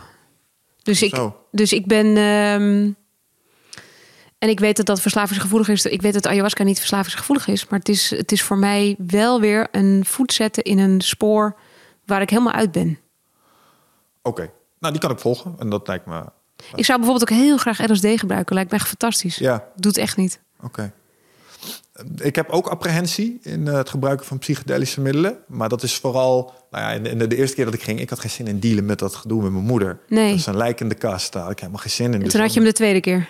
Nee, ik kreeg hem zo. Ja, nee, ja, je krijgt hem sowieso voor je kiezen. Maar Ja. het is veel liever als dat je denkt. Dus mijn apprehensie zat vooral daarin. Ehm, maar ik heb bijvoorbeeld maar één keer ayahuasca, twee keer ayahuasca gedaan. Ik heb geen enkele behoefte gehad om terug te gaan. Gewoon omdat ik, ik heb nog dat, dat zou voelen als een tweede portie halen terwijl je bord nog vol ligt. Nou weet je, ik zat bij Michiel van Elk in de tuin, want ik had hem ook geïnterviewd over psychedelica voor het boek, over de psychedelische roes. En we zaten op een kleedje in de tuin thee te drinken en erover te praten. En we hadden het over zijn gebruik van magische truffels, over LSD, over dat ik vroeger wel ecstasy heb gebruikt, over, nou we hadden het over van alles. En ik kom dan in een flow terecht waarin ik denk, oh dat lijkt me nu zo fantastisch om dat nu te doen. En dan wil ik eigenlijk met jou, en dat had hij ook, want je zit je met z'n tweeën en dan wil je je overgeven aan dat moment en dan gaan we weer. Dan wil je dat rebelse, dat grensoverschrijdende, dat dan gebeurt er iets bij mij waardoor ik daarna ga verlangen. Die genotsdrang, mhm. die, en ik weet dat dat niet genot is in dit geval, maar die, die drang om over een grens heen te gaan. En dan weet ik, nee, dan mag ik van mezelf niet de grens over, want dan ga ik weer. Ja. Het is voor mij de, de, de deur openzetten naar iets waar ik. Uh... ja, nou, ik kan hem volgen. En zeker als je die dispositie hebt. En, en um, je gaf het in je boek ook al aan, want ik heb daar nog een vraag over. Is dat, kijk, er zijn natuurlijk meerdere soorten roes. Hè? Uh, en zoals ik het Wichert, mijn compagnon, uh, die uh, nou, echt wel seasoned veteran is als het gaat om ayahuasca. Je raakt niet zozeer verslaafd aan de ayahuasca, maar je raakt verslaafd aan het lekker vroeten in de pijn en het trauma. Niet alleen van dit leven, maar als je er echt helemaal in onderdompelt, kom je ook in voorgaande zielservaringen, even ongeacht wat je daarvan vindt. Dus ook weer het explorerende nieuwsgierige. Ja, maar, maar het is wel vaak het, het, het, verwerken van dingen en het loslaten van zaken. En dat is een beetje in, in de pijn en de verdrietkant zitten werken. Maar die ja, zijn eigen verslaving. Zwelgen in, in zelfmedelijden misschien Ook heel lekker, hè? Ja, het kan lekker zijn, ja. ook genot. Ja, ja, ja. Ja, dat, resoneerde bij mij heel erg toen je zei dat woede ook een, uh, ja. Uh, een roes was. Ja, de trollenfabriek. Als je kijkt op Twitter, dan uh, word je ten eerste heel ongelukkig. En ten tweede denk je, waar komt al die woede vandaan bij al die mensen? En ten derde, blijkbaar vinden ze het heel erg lekker om dat over elkaar heen te storten. Ik begrijp daar zelf helemaal niks van. Ja, dus er ligt een soort kracht in woede. Als je echt, heb je dat niet? Soms als je echt kwaad bent, dan neemt je actiebereidheid neemt toe. Je motivatie, uh, je angst neemt een beetje af. Nou, ik ken het wel van een kwaaie dronk. Dus dat je bijvoorbeeld, uh, dat ik dan uh, de dingen waar ik me irriteerde over mijn man bijvoorbeeld opspaarde. Want dat vertel je dan niet allemaal. Want dan denk je, ah joh, dat is allemaal niet belangrijk. En dat, dat, komt wel. En dan had je, ja, dan met drank op. En dat het er dan als een soort georganiseerd sper voor uitkomt. Ja. Omdat je even woede voelt oplaaien, dat gebruikt. En dan op die adrenaline van die woede het fantastisch kan vertellen. Ja. Maar daardoor wel iemand even kaart kapot maakt. Ja. Op dat moment dat herken ik. Dan weet ik wel dat woede een soort kracht is. Maar ik vind het een hele lelijke kracht. En ik ben heel blij dat ik, dat ik dat nooit meer doe nu. Ja, die moet je situationeel inzetten. Op het moment dat je jezelf echt moet verdedigen, denk ik. Dan, dan doet hij zijn nee, Dat hoef ik eigenlijk nooit. Gelukkig. Nee. Nou ja, soms. Soms moet je voor jezelf opkomen, toch? Nou, op het moment dat ik een dikpik opgestuurd krijg, als we weer even op dat niveau zitten, dan wel. Ja, ja. ja dan, mag je hele lelijke Dan mag je hele lelijke dingen zeggen. Ja. maar ik herken wel wat je zegt. En wat ik dan altijd, uh, daar kan ik dan ook met een fascinatie naar kijken. Als ik in zo'n, hoe, net wat je zegt, hoe soepel het eruit komt. En dat ik denk, waar waren deze zinnen toen ik training aan het geven was? Want dit sluit echt perfect, weet je wel. Ja, maar dat en nou moet ik dit eroverheen exact. gooien en dan je staat helemaal aan ergens ook van. Dat is, dat is inderdaad goede woede, als je hem, als je hem goed kan richten. Ja, ja, maar het is natuurlijk niet mooi. Nee, nee, nee zeker niet. Um, even terug naar het, uh, uh, het stukje uh, entheogene psychedelische middelen. Even terug vanuit een stukje misschien wel ehm, verslaving, verslavingsproblematiek adresseren. Even los van je eigen relatie met, of apprehensie. Denk je mhm. dat dit waarde kan hebben? Dus, dat wat waarde kan hebben? Zo'n psychedelische interventies bij verslavingsproblemen. Oh ja, zeker. Ja, dat geloof ik zeker. Ja, ik, ik heb uh, Tom Nab op een gegeven moment gesproken, drugsonderzoeker. en die, ja, die vertelde mij dat uh, eigenlijk psychedelica een soort sleutel is op de deur die gesloten was. Dus op het moment dat mensen niet meer te helpen zijn, dus of, of bijvoorbeeld enorme doodsangst hebben. Um, of dat, ja, we hebben natuurlijk antidepressiva en dergelijke uitgevonden, dus heel veel medische medicatie. Maar die kunnen maar tot een bepaald moment helpen. En op het moment dat dan, vanaf het moment dat je bijna niet meer te helpen lijkt, schijnt psychedelica heel goed te werken. Dat is dan de sleutel op de deur, die dan toch de deur opent om mensen verder te helpen. In hun, om, om te helpen in doodsangst, om te helpen tegen verslaving. Om... Michiel van Elk is daar volgens mij ook mee bezig met psychedelica tegen verslaving. Of in ieder geval, hij weet daar veel van. Uh, en dan schijnt het heel erg te helpen om de gebaande paden in je hersenen opnieuw te leggen. Dus om de neuroplasticiteit uh, um, volgens mij te, aan te jagen, laat ik het zo zeggen. Ja, waardoor nieuwe gewoontes makkelijker vormen. Ja, en je dus afstand kan nemen van je verslaving. En dat is met microdoseren van psychedelica schijnt dat te, eh, te werken onder begeleiding. Ja. En dat klinkt dan nu heel erg alsof uh, je ergens in een hutje op de hei met psychedelica gaat liggen. Te, spacen. Dat is absoluut niet het geval. Zou het is hier dan, kunnen, by the way. Het zou hier zeker kunnen, maar, de, nee, maar dit is eh, zeg maar echt een tak van sport binnen de wat nu wetenschappelijk onderzocht wordt en waar gewoon artsen bij te pas komen. Dus Ja. het is niet. eh, het gaat niet om eh, do-it-yourself. Nee, ik denk dat dat wel de belangrijkste kentering is geweest in de afgelopen mm, vier jaar, denk ik. Want ik ken het ayahuasca-circuit nog van toen het underground was. ja, dat het nu wetenschappelijk is. Ja, nou dat er nu gewoon therapeuten bij zitten. En dat Ja. je gewoon naar een, een, een... Niks ten laste van deze ceremonies, want ze hebben me heel veel gebracht. Maar vaak werden die dingen ook gewoon in een jurt georganiseerd. Sliep je Ja. in een kamertje met elkaar, snap je? En dat was voor mij persoonlijk... Ik had graag een eigen kamer gehad. En eh, gewoon mijn eigen proces even. Want ik moest echt integreren. En dan zit je tussen allerlei mensen. En ik snap dat het vanuit de traditie een waarde heeft. Maar de combinatie tussen dat en eh, iets westerse... met een één-op-één therapeut... eh, lijkt me nog krachtiger. Ja, en jij, wat jij nu net schetst, is dat je je eigen demonen aan het bevechten bent. Dat je in een soort opperste staat van zelfreflectie bezig bent. En dan lijkt het me heel moeilijk om contact te moeten maken en een sociaal knopje te moeten hebben naar de mensen om je heen. Ja, ja hoewel ehm, iedereen die een ayahuasca-ceremonie heeft bijgewoond, zal dit beamen. Eh, er zit ook wel een verbroedering in het gezamenlijk afzien. Ja, het ondergaan. Ja, ik moet zeggen, ik heb niet een hele zware ceremonie gehad. Maar ik heb wel mensen echt eh, met zichzelf zien worstelen. En vooral het purgen, Ja, eh, had ik geluk mee. ja. Maar ik kan me wel voorstellen dat als je dat met me... Want dat zie ik dan. Dan komen ze naar. Je was wel een purge. Ja, gast, ik was wel een purge. Het is een beetje hetzelfde als dat je na je crossfit eh, training laat zien. Kijk, ik heb hier eh, gescheurde eelt op mijn vingers, weet je wel. Zo van, Ja. het zijn een soort... ja. Maar het is natuurlijk. Kijk, Timothy Leary, dat is, die, dat is eh, jaren 50, 60 geweest, dat LSD. ehm, Ja? dat, dat was natuurlijk zijn wetenschappelijk onderzoek. Hij was toen heel erg bezig met wat kan psychedelica doen voor de geest. Ehm, toen kwam er natuurlijk die hele counterbeweging, de Vietnamoorlog. Het kreeg een heel ander eh, imago, een heel negatief imago. En uiteindelijk is al dat wetenschappelijk onderzoek weer opgeborgen. En nu zeggen ze, deze tijd noemen ze de psychedelische renaissance. Hè, waarin er altijd onderzoek weer naar boven komt. Waarin het op deze manier toegepast wordt, zoals jij nu schetst. Waarbij psychedelica worden ingezet om mensen te helpen tegen doodsangst. Eh, waarin het wordt geholpen, eh, helpt eh, tegen de- depressie. En nu zie je dat het weer ehm, juist wordt toegepast. En ik, Ton Nabbe zei toen dus ook tegen mij dat hij hoopte dat het nu het onderzoek niet in de knop geknakt wordt. Omdat er weer mensen in de politiek zijn die het misschien heel spannend vinden dat het gebeurt. De Apollo's onder ons in plaats van de Dionysische. Hij zegt dan ehm, ehm, wordt al dat mooie werk weer opgeborgen. Ik hoop niet dat dat gebeurt. En dat ben ik wel met hem eens. Als, je- wat, zoals jij dat nu schetst. Het zou ontzettend veel van grote waarde kunnen zijn. Ja, ja. En, en als je de echte eh, eh, aficionado's en aanhangers hoort... misschien ook wel net het ding kunnen zijn... eh, wat we nodig hebben nu. Eh, we hadden het er straks over die eh, individualisatie. Ja, om de connectie met elkaar, de connectie met de natuur, de connectie met de planeet. Dat was een reden in de jaren zestig dat de overheid even niet zo fan was van al die geestverruimende middelen. Want dat zorgde voor een bevolking die nou ja, even minder achter hun eigen agenda stonden. Je snapt Mhm. ineens veel minder waarom oorlog nodig is. En bent al helemaal niet bereid om daar iets in te gaan doen. Of, ja.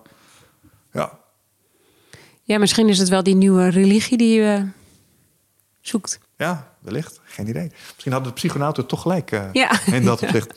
Ehm, dan eh, wil ik het graag nog eventjes hebben over, met je over ehm, je nieuwste eh, verslaving.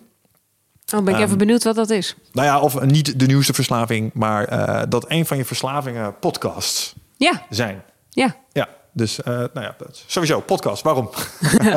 Nou, ik kwam erachter, want het, eh, alles gaat natuurlijk over de roes in mijn boek. En ik was heel erg. ehm, bij mij begon de vraag met waarom heb ik die wijn nodig? Wat ben ik, wat ben ik aan het, wat doet de wijn voor mij? En toen bleek dat de wijn voor mij aan het einde van de dag een soort waas over de werkelijkheid is. Een soort verdoving, ontspanning, een moment voor mij alleen. Dus ik in de fles.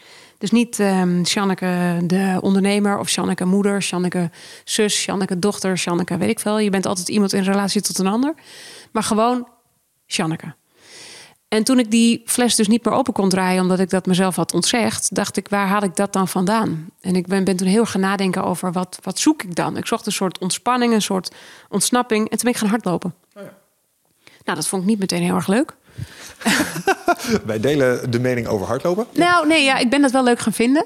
Eh, maar toen hielp het mij enorm om een koptelefoon op mijn hoofd te zetten en een podcast aan te zetten. En dan nog niet eens, de- ja, het is heel gevaarlijk, want je hoort het verkeer om je heen nog niet eens. Maar dan ben je even van niemand anders. Dan ben je gewoon Sjanneke die been voor been vooruit zet en die mensen in haar oor heeft die tegen haar praten. En dat was voor mij waar mijn liefde voor de podcast ontstond, want ik had mijn nieuwe glas wijn gevonden. Dat was voor mij de, even de schouders omlaag. Het, het, uurtje wat helemaal alleen voor mij is. Waarin ik overigens ook weer me over kan geven aan die nieuwsgierigheid. En dat explorerende wat dus heel erg in mij zit. Het mateloze, wat voor mij het mateloze drinken was. Dat mateloze heeft ook een heel mooie component. Namelijk dat je altijd mateloos kan onderzoeken of mateloos je kan verliezen in thematiek. Nou, dat ging ik in podcast doen. Ja. Dus daar kennis vergaren, kennis halen. En ondertussen een moment voor mezelf hebben. Dat was voor mij ehm, de ruimte die de podcast me bood. Ja. Welke podcast ben je gaan luisteren? Ik ben begonnen met Onverdoofd, omdat ik dat toen heel erg nodig had. Dat is de podcast van Erik Jan Harbens, Ja. die ook Hallo Muren en Door het Licht heeft geschreven. Dat waren de boeken die ik kocht toen ik besloot te stoppen met drinken, om zijn verhaal te lezen. Toen bleek dat hij een podcast had gemaakt, Onverdoofd, waarin hij mensen spreekt hoe het is om onverdoofd te leven. Met andere woorden, nuchter. Ehm, en hij eh, interviewde dan mensen die gestopt waren met alcohol drinken, met drugs gebruiken, met, eh nou je neemt het. Of trouwens later ook mensen die dat nog wel deden, maar bijvoorbeeld in balans. Ehm, en ik had dat in het begin was dat mijn AA, want ik had ik zat niet bij de AA en ik had wel mensen nodig die mij vertelden hoe bij hen dat proces was gegaan. En dat was een soort, ehm, nou ook weer dat moment van zelfreflectie dat je kan nadenken over de stappen die je zelf moet doorlopen en waarom je wil stoppen met een middel en dat door de ogen van de eh, ziet de ervaringen van een ander. Dat was voor mij onverdoofd. Hij heeft nu een nieuwe podcast, die heet Nu Nuchter. Die luister ik ook weer. En ik merk wel, ik ben nu 2,5 jaar verder, dat ik dat heel anders luister. Eerst was dat nog een soort strohalm. Weet je, echt iets waar je je aan vasthoudt, wat je nodig hebt. Wat je, ik, ik keek uit, want hij had toen echt één aflevering per week. En ik keek dan elke week uit naar mijn shotje genot. Namelijk dat één, die podcast die dan weer live kwam. Ja. En nu luister ik het en ik had, hij had nu bij Nuchter was zijn eerste gast, Dikke Dennis, die rocker. En nu had hij een ander meisje, Mattie, die eh, verslaafd was aan medicatie. Nu luister ik daar heel anders naar. Nu luister ik meer als observant of zo. Niet meer als ehm, dat ik er zelf middenin zit. Maar ik wil het nog wel steeds luisteren. Het zit nog wel in mijn systeem. Ja, onderhoud. Ja, onderhoud. Ja. Oh, interessant. Leuk. Ehm, even over ehm, een klein zijsprongetje. Ehm, want je had het over mensen die onverdoofd zijn. Je had het mensen over die halverwege eh, het spectrum zitten. Maar je had ook een meneer, ehm, en ik heb zijn naam opgeschreven, maar het was voor, ah, ah, volgens mij een Arabische meneer, ehm, overtuigd alcoholisten. Oh, Hafid Bouassa. Ja, dus mensen die eh, zeggen: Ja, ik ben alcoholist. Ja, het doet iets met mij. Maar fuck die shit. Ik doe het gewoon. Carpe fucking diem. Ja. We doen het gewoon. Ja. Hoe kijk je daar tegenaan? Vol respect. Ja, ik bewonder ze ergens stiekem wel een Ja, beetje. Ja, ik ook. Dat heb ik dus ook. Nou, ik, ik, sch- ik sch- schets de situatie van Hafid Bouassa... die ik in een eh, tv-programma zag. Bij Pauw en Witteman zat hij.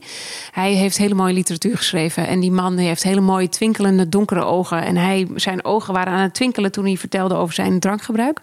En hij zei, ik kan niet rond een gat leven. Dus op het moment dat hij zou, niet zou drinken, dus hij, dat is eigenlijk zijn eerste grote liefde. Ehm, als hij dat niet zou doen, dan zou hij voor zijn gevoel rond een gat leven. En dat is het leven niet. Dan is zijn leven niks waard. Zo, hij, eh, het is een beetje Herman Brood met zijn drugs. Zonder de drugs ben ik niet. Dat heeft Hafid Bouassa met zijn drank. Ehm, hij had inmiddels levercirrose. Hij was 35 kilo te zwaar. Hij was opgezwollen. Hij was aan alle kanten ontzettend ongezond. Eh, maar zijn grote liefde bleef de drank. Dus daar spreekt een soort liefde uit. Ik denk dat dat eh, je een soort verwondering geeft. En je zag ook aan de mensen in dat tv-programma dat hij vol verwondering sprak over de drank. En dat de mensen naar hem keken vol ontzetting. ja. Dat is wat je ziet. En dat, is ook, dat, dat roept het bij je op. Maar toch snap ik het. ja want mijn primaire reacties zijn... eh, eh, Enerzijds denk je, deze meneer is stuk. Ja, Maar anderzijds denk je, hij is gewoon overtuigd. Dus weet je, dood gaan we toch. ja. Eh, en er zit ook wel iets... Ik weet niet of dat zijn reden is, maar eh, zo, zo lijkt het. Er zit ook een soort van controle nemen over die situatie... door dan maar gewoon Je daardoor aan over te geven. Het is over, eigen hand te nemen, soort van. of overgave. Oh, ja, oké. Misschien was het zijn overgave. Maar het is eh, waar we het net over hebben. Kies je carpe diem of kies je memento mori? En hij koos, koos duidelijk niet memento mori. Ja, Of hij heeft zich daarbij neergelegd. Dat hij dacht, dan, maar, dan wordt het maar mijn dood. Maar wel een zelfgekozen dood. Ja, nou, ook- dat is een beetje. Het geeft je misschien een vals gevoel van controle terug of zo. Ja. Kan nog even goed mogen onder de bus komen natuurlijk. ja. Maar, ja, ik kan niet in zijn brein kijken. Ik nee, nee, nee, ik maar ik vind het gewoon ehm, een interessant fenomeen. Ja. En, eh, eh, ook weer vanuit het... eh, en wat ik er weer zo... En misschien vind ik het zo kicken dat hij het doet... omdat hij een middelvinger geeft naar het taboe wat Ja. erop kleeft. Ja, leuk dat je dat vindt, maar boeit mij niet. En dat Ja. vind ik heel, iets heel sterks hebben. ja. Ja en daar, daarmee vind ik het vergelijkbaar met Herman Brood. Ja. Ja, dat, dat- Die ook zo'n manier van leven heeft gehad. Ja. Ja. Alright. Dat, heeft, dat is toch dat romantisch fatalisme Ja. wat ons aanspreekt. Ja, ja, dat heeft iets. Oké, interessant. Ehm, e- even terug naar de podcast. Want, ehm, en ik meende daar in je boek ook een bepaald eh, sentiment uit te pikken. Want podcastland met name typeert zich, vind ik, eh, door een shitload aan zelfgeproclameerd gurus. Wannabe Tony Robinsons. Eh, ik noem dat altijd een beetje inspiepipo's. Ik weet dit, want ik ben er een beetje één van, snap je? Ehm, maar in jouw boek eh, kwam ik wel een aantal dingen tegen over wat jij vindt van je mooiste leven leven. En de maakbaarheid der dingen. Ehm, zou je daar een klein beetje over kunnen uitweiden? Be- eh, schets eens wat je denkt dat ik bedoel dan. Nou, ehm, eh, er is een hele eh, stroming die vindt dat je... oh, de zelfhulphysterie ja, die- bedoel je? Ja, ja. Ja, al die goeroes en geluksgoeroes en die makers van je leven, ja. De maakbaarheid dat der is, dingen. da- Ja, dat is wel... Ja, jij, jij schakeert het steeds aan de maakbaarheid der dingen... en dan begrijp ik niet helemaal wat je bedoelt. Maar nu denk ik dat ik wel... Ik, ik vat hem nu. Daar, dat is waar mijn cynisme om de hoek komt kijken in mijn boek. Juist. Omdat ik daar een beetje tegenaan schop. ja, dat is de... Je had op een gegeven moment het boek van eh, Marianne Donner... het zelfverwoestingsboek. En zij zegt in plaats van de zelfverbetering... moeten we ook onszelf misschien gewoon lekker zelf verwoesten. Dus we moeten ook af en toe kunnen stinken, branden, bloeden... nou ja, dansen, alles doen wat God verboden heeft. Ehm, want we schieten wel heel erg door in het, in het hele redelijke... en in het goede leven. En in altijd maar die lange termijn kiezen... en met Fitbits omleven en avocados eten en yes you can van Obama en alles is motivational en empowering en eh, dat is toch ook bloedirritant om zo te leven. Nou, Ja. dat, en dat voel ik, maar ik doe het zelf ook. Ja, Dus daar zit een soort eh, schisma of een soort tegenstrijdigheid waarin ik aan de ene kant denk jeetje jongens laten we er toch allemaal eens mee kappen dat we het zo dat we zo we, we- we weten inmiddels zo ontzettend veel, maar moeten we daar ook allemaal naar leven? We weten inderdaad dat je niet- niet mag roken. We weten dat alcohol eigenlijk gewoon puur vergif is. We weten het allemaal. Maar er blijft wel verdomd weinig over als we dat allemaal dan terzijde schuiven. ja, ja ik, eh, ik zeg wel eens, als je onsterfelijk wil worden... dan moet je alle dingen laten waar je onsterfelijk voor zou willen worden. Nou, precies. Ja. Maar ik, tegelijkertijd is de, die hele zelfhulphistorie... ik vind dat een heel mooi woord. Ik weet even niet meer of, ik, of Marianne die heeft bedacht... of dat ik hem heb bedacht. Ik, Ja. denk, ik denk zij. Maar die zelfhulphistorie, die, ehm, die helpt ons gewoon niet vooruit. En dat maakt ook dat we in een soort eh, val vallen van perfectionisme... waar niemand voor gemaakt is. We zijn niet perfect. En het is eh, heel knap hoor dat ik niet meer drink. En het is heel fantastisch dat ik allemaal vinkjes zet en heel veel discipline en wilskracht heb. Maar het is niet menselijk dat je dat ten alle tijde volhoudt.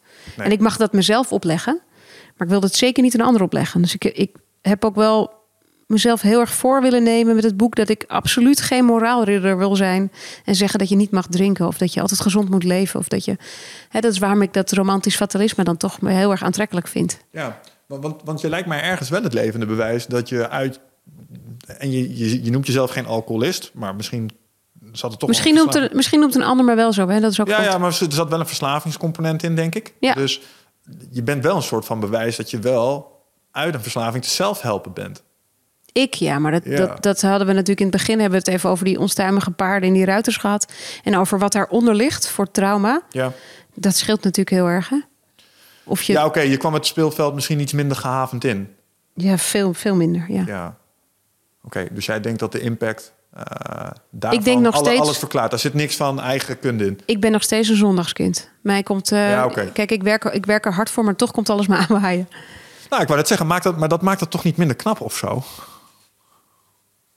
Ja, ik, ik geloof niet dat ik mezelf daar een schouderklopje over geef. Nee, oké. Maar wat ik, de, de, de achterliggende vraag is... denk je dat je uit een verslaving te zelf helpen bent?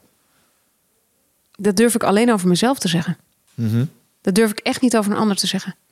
Dat hangt er zo ontzettend vanaf hoe je brein werkt, eh, wat, wat je situatie is, of je een eh, wat voor gezinssituatie je hebt. Dat ja, Ja. Nee, nou, I, get it. Ik denk dat be- beide waar context is heel, heel Zeker. belangrijk. Ja, oké. check.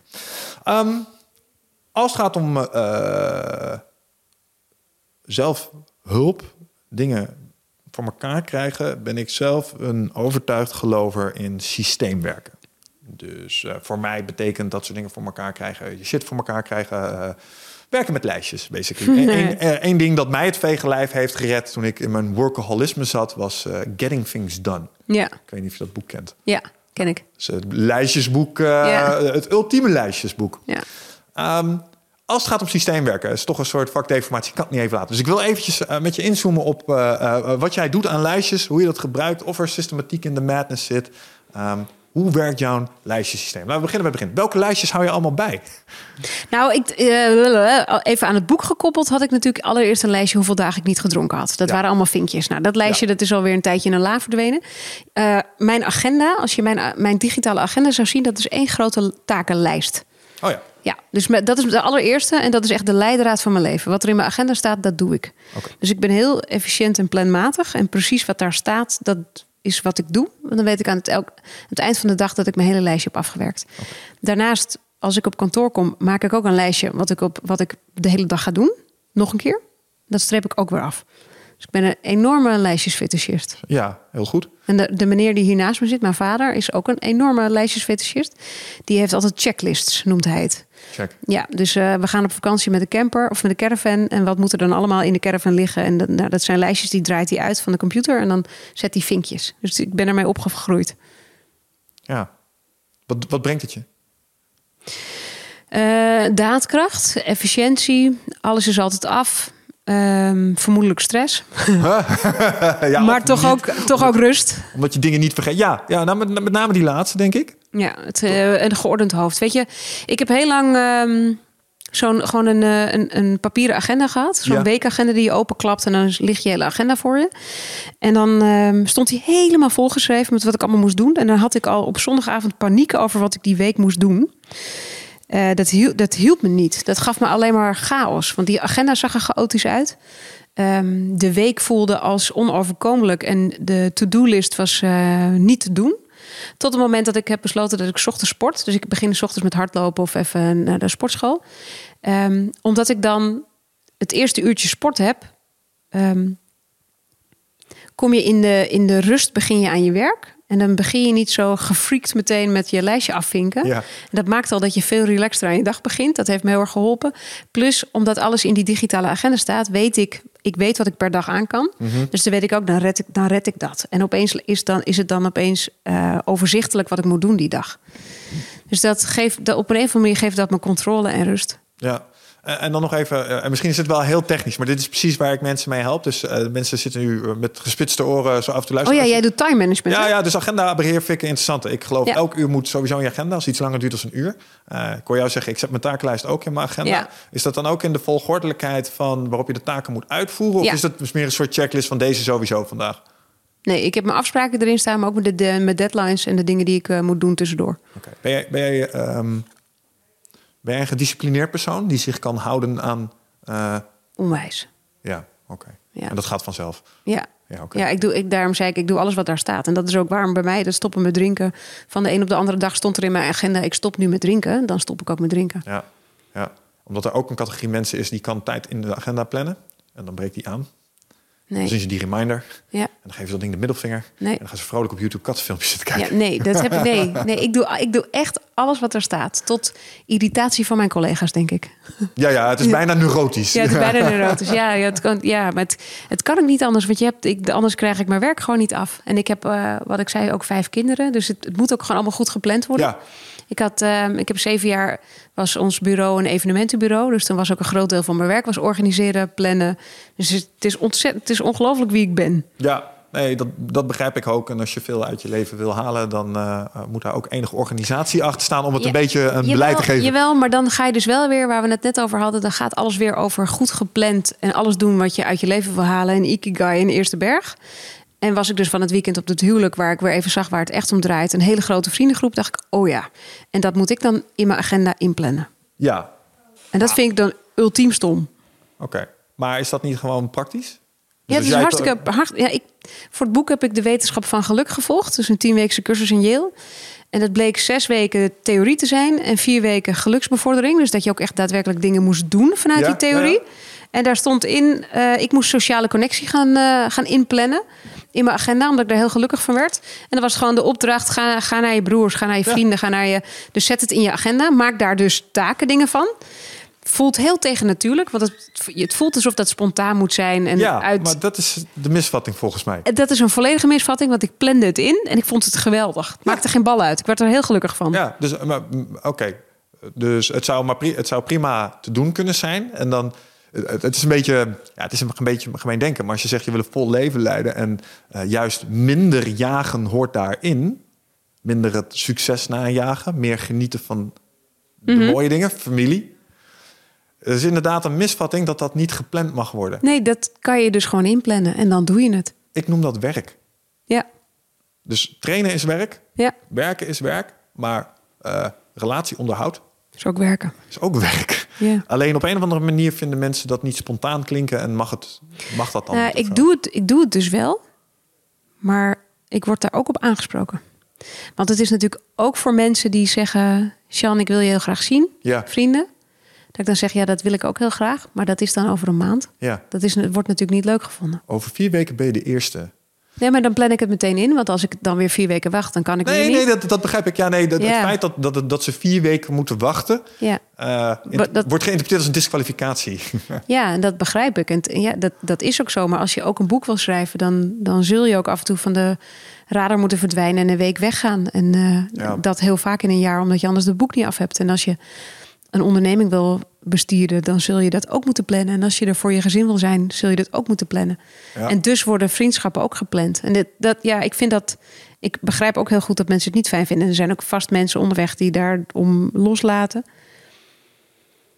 Maar het is niet een disqualificatie, zo bedoel ik het nooit. Nee. Ik vind het juist zo belangrijk dat ik het graag wil inplannen. Ja, nou ja, voor de mensen die aan het ontvangende eind van staan, dan zeg ik altijd, je moet het niet persoonlijk nemen. Je staat aan het ontvangende eind van time management. De enige zorg die ik er wel eens bij heb, want ik herken hem, is dat ik. Ik wil heel graag dingen voor elkaar krijgen. Ik, daar haal ik ook echt genoegdoening uit. Als ik Ja, doelen haal en dat soort dingen, dat vind ik fantastisch. Kan ik me geweldig voelen. Maar ik ben wel eens bang dat als het straks dan het moment daar is, en dat is iets, daar heb jij ook even aan gesnuffeld. Stel je staat zo oog in oog met je sterfelijkheid. En jij hebt even gedacht Ja, wat staat, borst- er, wat staat er dan op je stenen? Echt niet. Ik heb zo hard gewerkt en allemaal takenlijstjes af. Dat dus. Ja. Dat dus. Want, want jij hebt even gedacht dat je borstkanker zou hebben. Ja, Uh, en, en dan, dan sta je dus oog in oog met de draak. Ja. De- en, en dan ineens... Ik ben altijd zo bang dat dan ineens mijn, mijn eh, oordeel en waardering van dingen omklapt. nou, en dat is precies wat ik bedoel met het huwelijk, waarom ik er steeds op terugkom. Dan dat ik op een feest sta en dat ik allemaal mensen zie die ik lief vind. En dat ik denk, oh wacht even, maar hier gaat het echt om. En dat ze de eh, liefde van hun, van mijn, mijn broer en zijn, eh, zijn vrouw, dat ze de liefde vierden en dat hun kinderen daarbij waren. Ze hebben gewacht met trouwen, totdat hun kinderen het ook echt bewust konden meemaken. Oh, leuk. Eh, ja, superleuk. Maar de, dan zie je weer even waar het echt over gaat. En dat de rest, hoe veel genot je er ook uit haalt, want dan gaat het toch weer over genot. Hè? Ondervind je echt geluk uit je takenlijstje afvinken, of is het weer een genotsleverancier? En ik denk dat we heel vaak genot en geluk toch door elkaar heen halen als begrippen. Dat we denken dat iets geluk is, terwijl het eigenlijk gewoon weer een genotsdingetje is. Hè, toch weer even een pingetje in je brein wat zegt: Oh, lekker, dat heb ik af. Oh, cool, dat heb ik gefixt. Oh, tof, mijn boek ligt in de schappen. Oh, kwijl, ik krijg 20 likes op die ene post. Het gaat allemaal nergens over. Nee, maar stel je krijgt een mail terug van mensen die je hebt geraakt met je werk. Dat is wat anders. Daar zit hij. Want daarom heb je het gedaan. Want ik herken wat je zegt, maar ik krijg ook wel eens mailtjes terug. Nou, dan zit ik tranen terug te vechten. Ja, Omdat je mensen geraakt hebt op een bepaalde manier. Ja. En dan denk ik, wauw. En, en dan niet omdat ik verdrietig ben, maar omdat ik denk, shit, je doet iets wat, wat ertoe doet, blijkbaar of zo. En tenminste voor één persoon. ja. Maar toch zit ook een groot deel in die erkenning en waardering. Ja, En dat vind ik een soort eh, black hole of zo. Ja. Maar ik denk dat alle mensen die ik bewonder en die iets gedaan hebben eh, wat, wat ik de moeite waard heeft en mij geïnspireerd heeft, soortgelijke drijfredenen hadden. Dus ik vind het, het ook niet. Ik vind het niet erg dat dat, dat zo is. Nee, het bestaat naast elkaar. Je moet ehm, je af en toe bewust zijn van alles. En dat, dat zit hem ook weer in die zelfreflectie, als je het maar weet. Ja, nou ja, kijk, en als je, heel, als je er heel, eh, weer heel rationeel naar wil kijken, vanuit de denkende mensen, en ik spreek eh, mensen als een Paul Smit eh, en een Mark van Vught over evolutionaire psychologie. Ja, die zeggen het is 98% toch allemaal overleving en seksuele selectie. En daar komt dit Ja. allemaal uit voort. Ik, denk persoonlijk dat ze daar overdrijven. Ik denk dat het niet meer is als 80%, maar desondanks, het, het, het drijft een boel van ons gedrag. En misschien is dat ook wel oké, Ja, wellicht. Mooie gedachte. Ja, denk ik ook. Ehm, ik heb er nog één die ik je wil ehm, voorleggen. Ehm, want eh, je begint je boek met een, eh, een anekdote over rupsje nooit genoeg. Ehm, je eindigt hem met de stelling dat je eh, jezelf misschien toch wel hebt weten te veranderen in rupsje genoeg. Ja. En je had het daar straks al eventjes over Onverdoofd van Erik Jan. Die was daar, dat was jouw AA, mm zo omschreef je dat in het boek. Wat was het meest cruciale inzicht, erop terugkijkend, wat je uit uh, Onverdoofd hebt gehaald, wat mensen die hiermee worstelen zou kunnen helpen? Dus wat was de aha-erlebnis die je daar had? Ik heb niet uit de gesprekken een aha-erlebnis overgehouden. Ik heb een, uh, het was mijn beste vriend. Hmm. Erik Jan was mijn beste vriend geworden. dat, was, dat, was de stem in mijn oren, in de oortjes onderweg, die uh, zei dat het allemaal goed kwam. Terwijl hij helemaal niet direct tegen mij sprak, want hij sprak tegen andere mensen. Mhm. Maar hij was er voor mij, het was, de, het was de veiligheid van dat gesprek. En ik zou eigenlijk iedereen die verslavingsproblematiek heeft, waarmee dan ook, of het nou seks of gok of drank of drugs of uh, je kan aan van alles verslaafd zijn, wat het ook is, die zou ik aanraden om onverdoofd te luisteren, omdat dat een soort, um, het is helend, het is um, begeleidend, het is uh, bevrijdend, het is, uh, je, her, je herkent de ander en daardoor ook jezelf. Mhm. En ik denk dat de, de aha-erlebnis is, is dat je steeds meer begrip begint te krijgen voor je eigen handelen. Het is ook een soort uitzoom. Je zit natuurlijk zo in je eigen problematiek. Je zit zo ingezoomd in je, Jezus, drink ik? We heb ik echt twee flessen wijn opengedraaid, de tweede, zodat het niet opviel dat die eerste al half leeg was. Dat, ja, je bent zo, uh, je, je uh, kunt ook heel erg van jezelf walgen. Ja. Als je door hebt wat je eigenlijk aan het doen bent. Als je dat in, ik, ik was me dat in één keer bewust wat ik deed. En dan heb je een soort walging, waardoor je stopt. Waardoor je de eerste paar dagen überhaupt denkt... Jezus, dat ik zo diep ging. Daarna word je trots, maar toch wil ik wilde heel erg begrijpen waarom, waarom ik het deed. En dat begon ik pas te begrijpen door een ander daarover te horen praten. Door die ja. uitzoom te hebben en even een soort afstand te krijgen naar mezelf. Door het door de ogen van een ander te horen. En dat is, dat is dus niet een, een aha-erlebnis van één iemand die me wat verteld heeft, maar meer wat die podcast voor me deed. Klinkt alsof er een stuk relativeringsvermogen ook vanuit ging. Ja, want je kan niet, je kan niet alleen maar in je, in je walging blijven hangen. Je hebt, uh, je hebt een soort uh, groter besef nodig wat, wat voor krachten er dus op je inspelen, waar dat vandaan komt, hoe dat werkt, uh, hoe anderen dat hebben en hoe vergelijkbaar het is, of het nou over seks of over drugs gaat. Dat het dus blijkbaar een mechanisme is in je systeem wat heel veel mensen hebben. Ja, oh, en daarom begon ook bij mij die drang die, om, die, om die genotsroes om te zetten in een soort zoektocht naar hoe werkt dat dan? Hoe werkt genot? Waar haal ik het dan hierna op een gezonde manier vandaan? Ja. En dat is uiteindelijk, denk ik, wat je ook in het boek terugleest, dat ik daar de, alle antwoorden op wilde hebben. Ja. En dat begon bij Onverdoofd. Ja, duidelijk. Um, los van de podcast Onverdoofd luisteren. Stel, je zou, een, uh, uh, je zou nu een eerste stap willen maken, maar je bent niet zo'n uh, zo'n ruiter zoals jij die zegt: Oké, okay, ik gooi nu de knop om. Waar zou je beginnen? Ja, ik denk toch bij de Jelinek of bij de AA. Hulp zoeken. Ja. Niet alleen doen. Nee duidelijk. Nee, ik denk ook dat het uh, eigenlijk helemaal niet bedoeld is om alleen te doen. Ik denk alleen dat dat bij mij past. Ja. Maar dat de hulpvraag altijd zo ongelooflijk op maat is. Dus begin bij de hulpvraag. Ja. Kijk, ik, wat jij, ik vond wel een mooie analyse dat je zei dat ik het heb gedaan door te denken. En door te onderzoeken en door mensen te interviewen. Hè, door naar een hoogleraar verslaving te gaan. Want dan ik denk, jij mag zeggen of ik verslaafd ben of niet. Ik geef dat antwoord aan jou. Jij mag mij dat geven. Dat is wat mij helpt voelt een beetje alsof je via de spiegel naar jezelf kijkt. Ja, dat is, dat is het hele boek. Ja. En dan op zoek gaan naar een dominee die daar weer zijn dingen over te zeggen heeft. En dan op zoek naar een drugsonderzoeker en naar een psychedelicus. En naar een. Nou ja, dat is wat mij er doorheen heeft geholpen. Ja, ja. Nou, het is en blijft, wat mij betreft, in ieder geval uh, fascinerende materie. Uh, het heeft zoveel invloed op de dingen die je dagelijks wel uh, of niet doet. Dus wat mij betreft super waardevol om eens op deze manier te onderzoeken met elkaar. Um, Dankjewel voor je, voor je tijd, je energie, je effort en natuurlijk het schrijven van het boek. En stel mensen willen iets meer over jou te weten komen, waar kunnen ze jou dan het makkelijkst vinden? www.sjanneke.scholtens.nl, waarbij Sjanneke met J-E-A geschreven wordt. Nou, perfect. Luisteraars, dank jullie wel en tot de volgende keer. Ciao!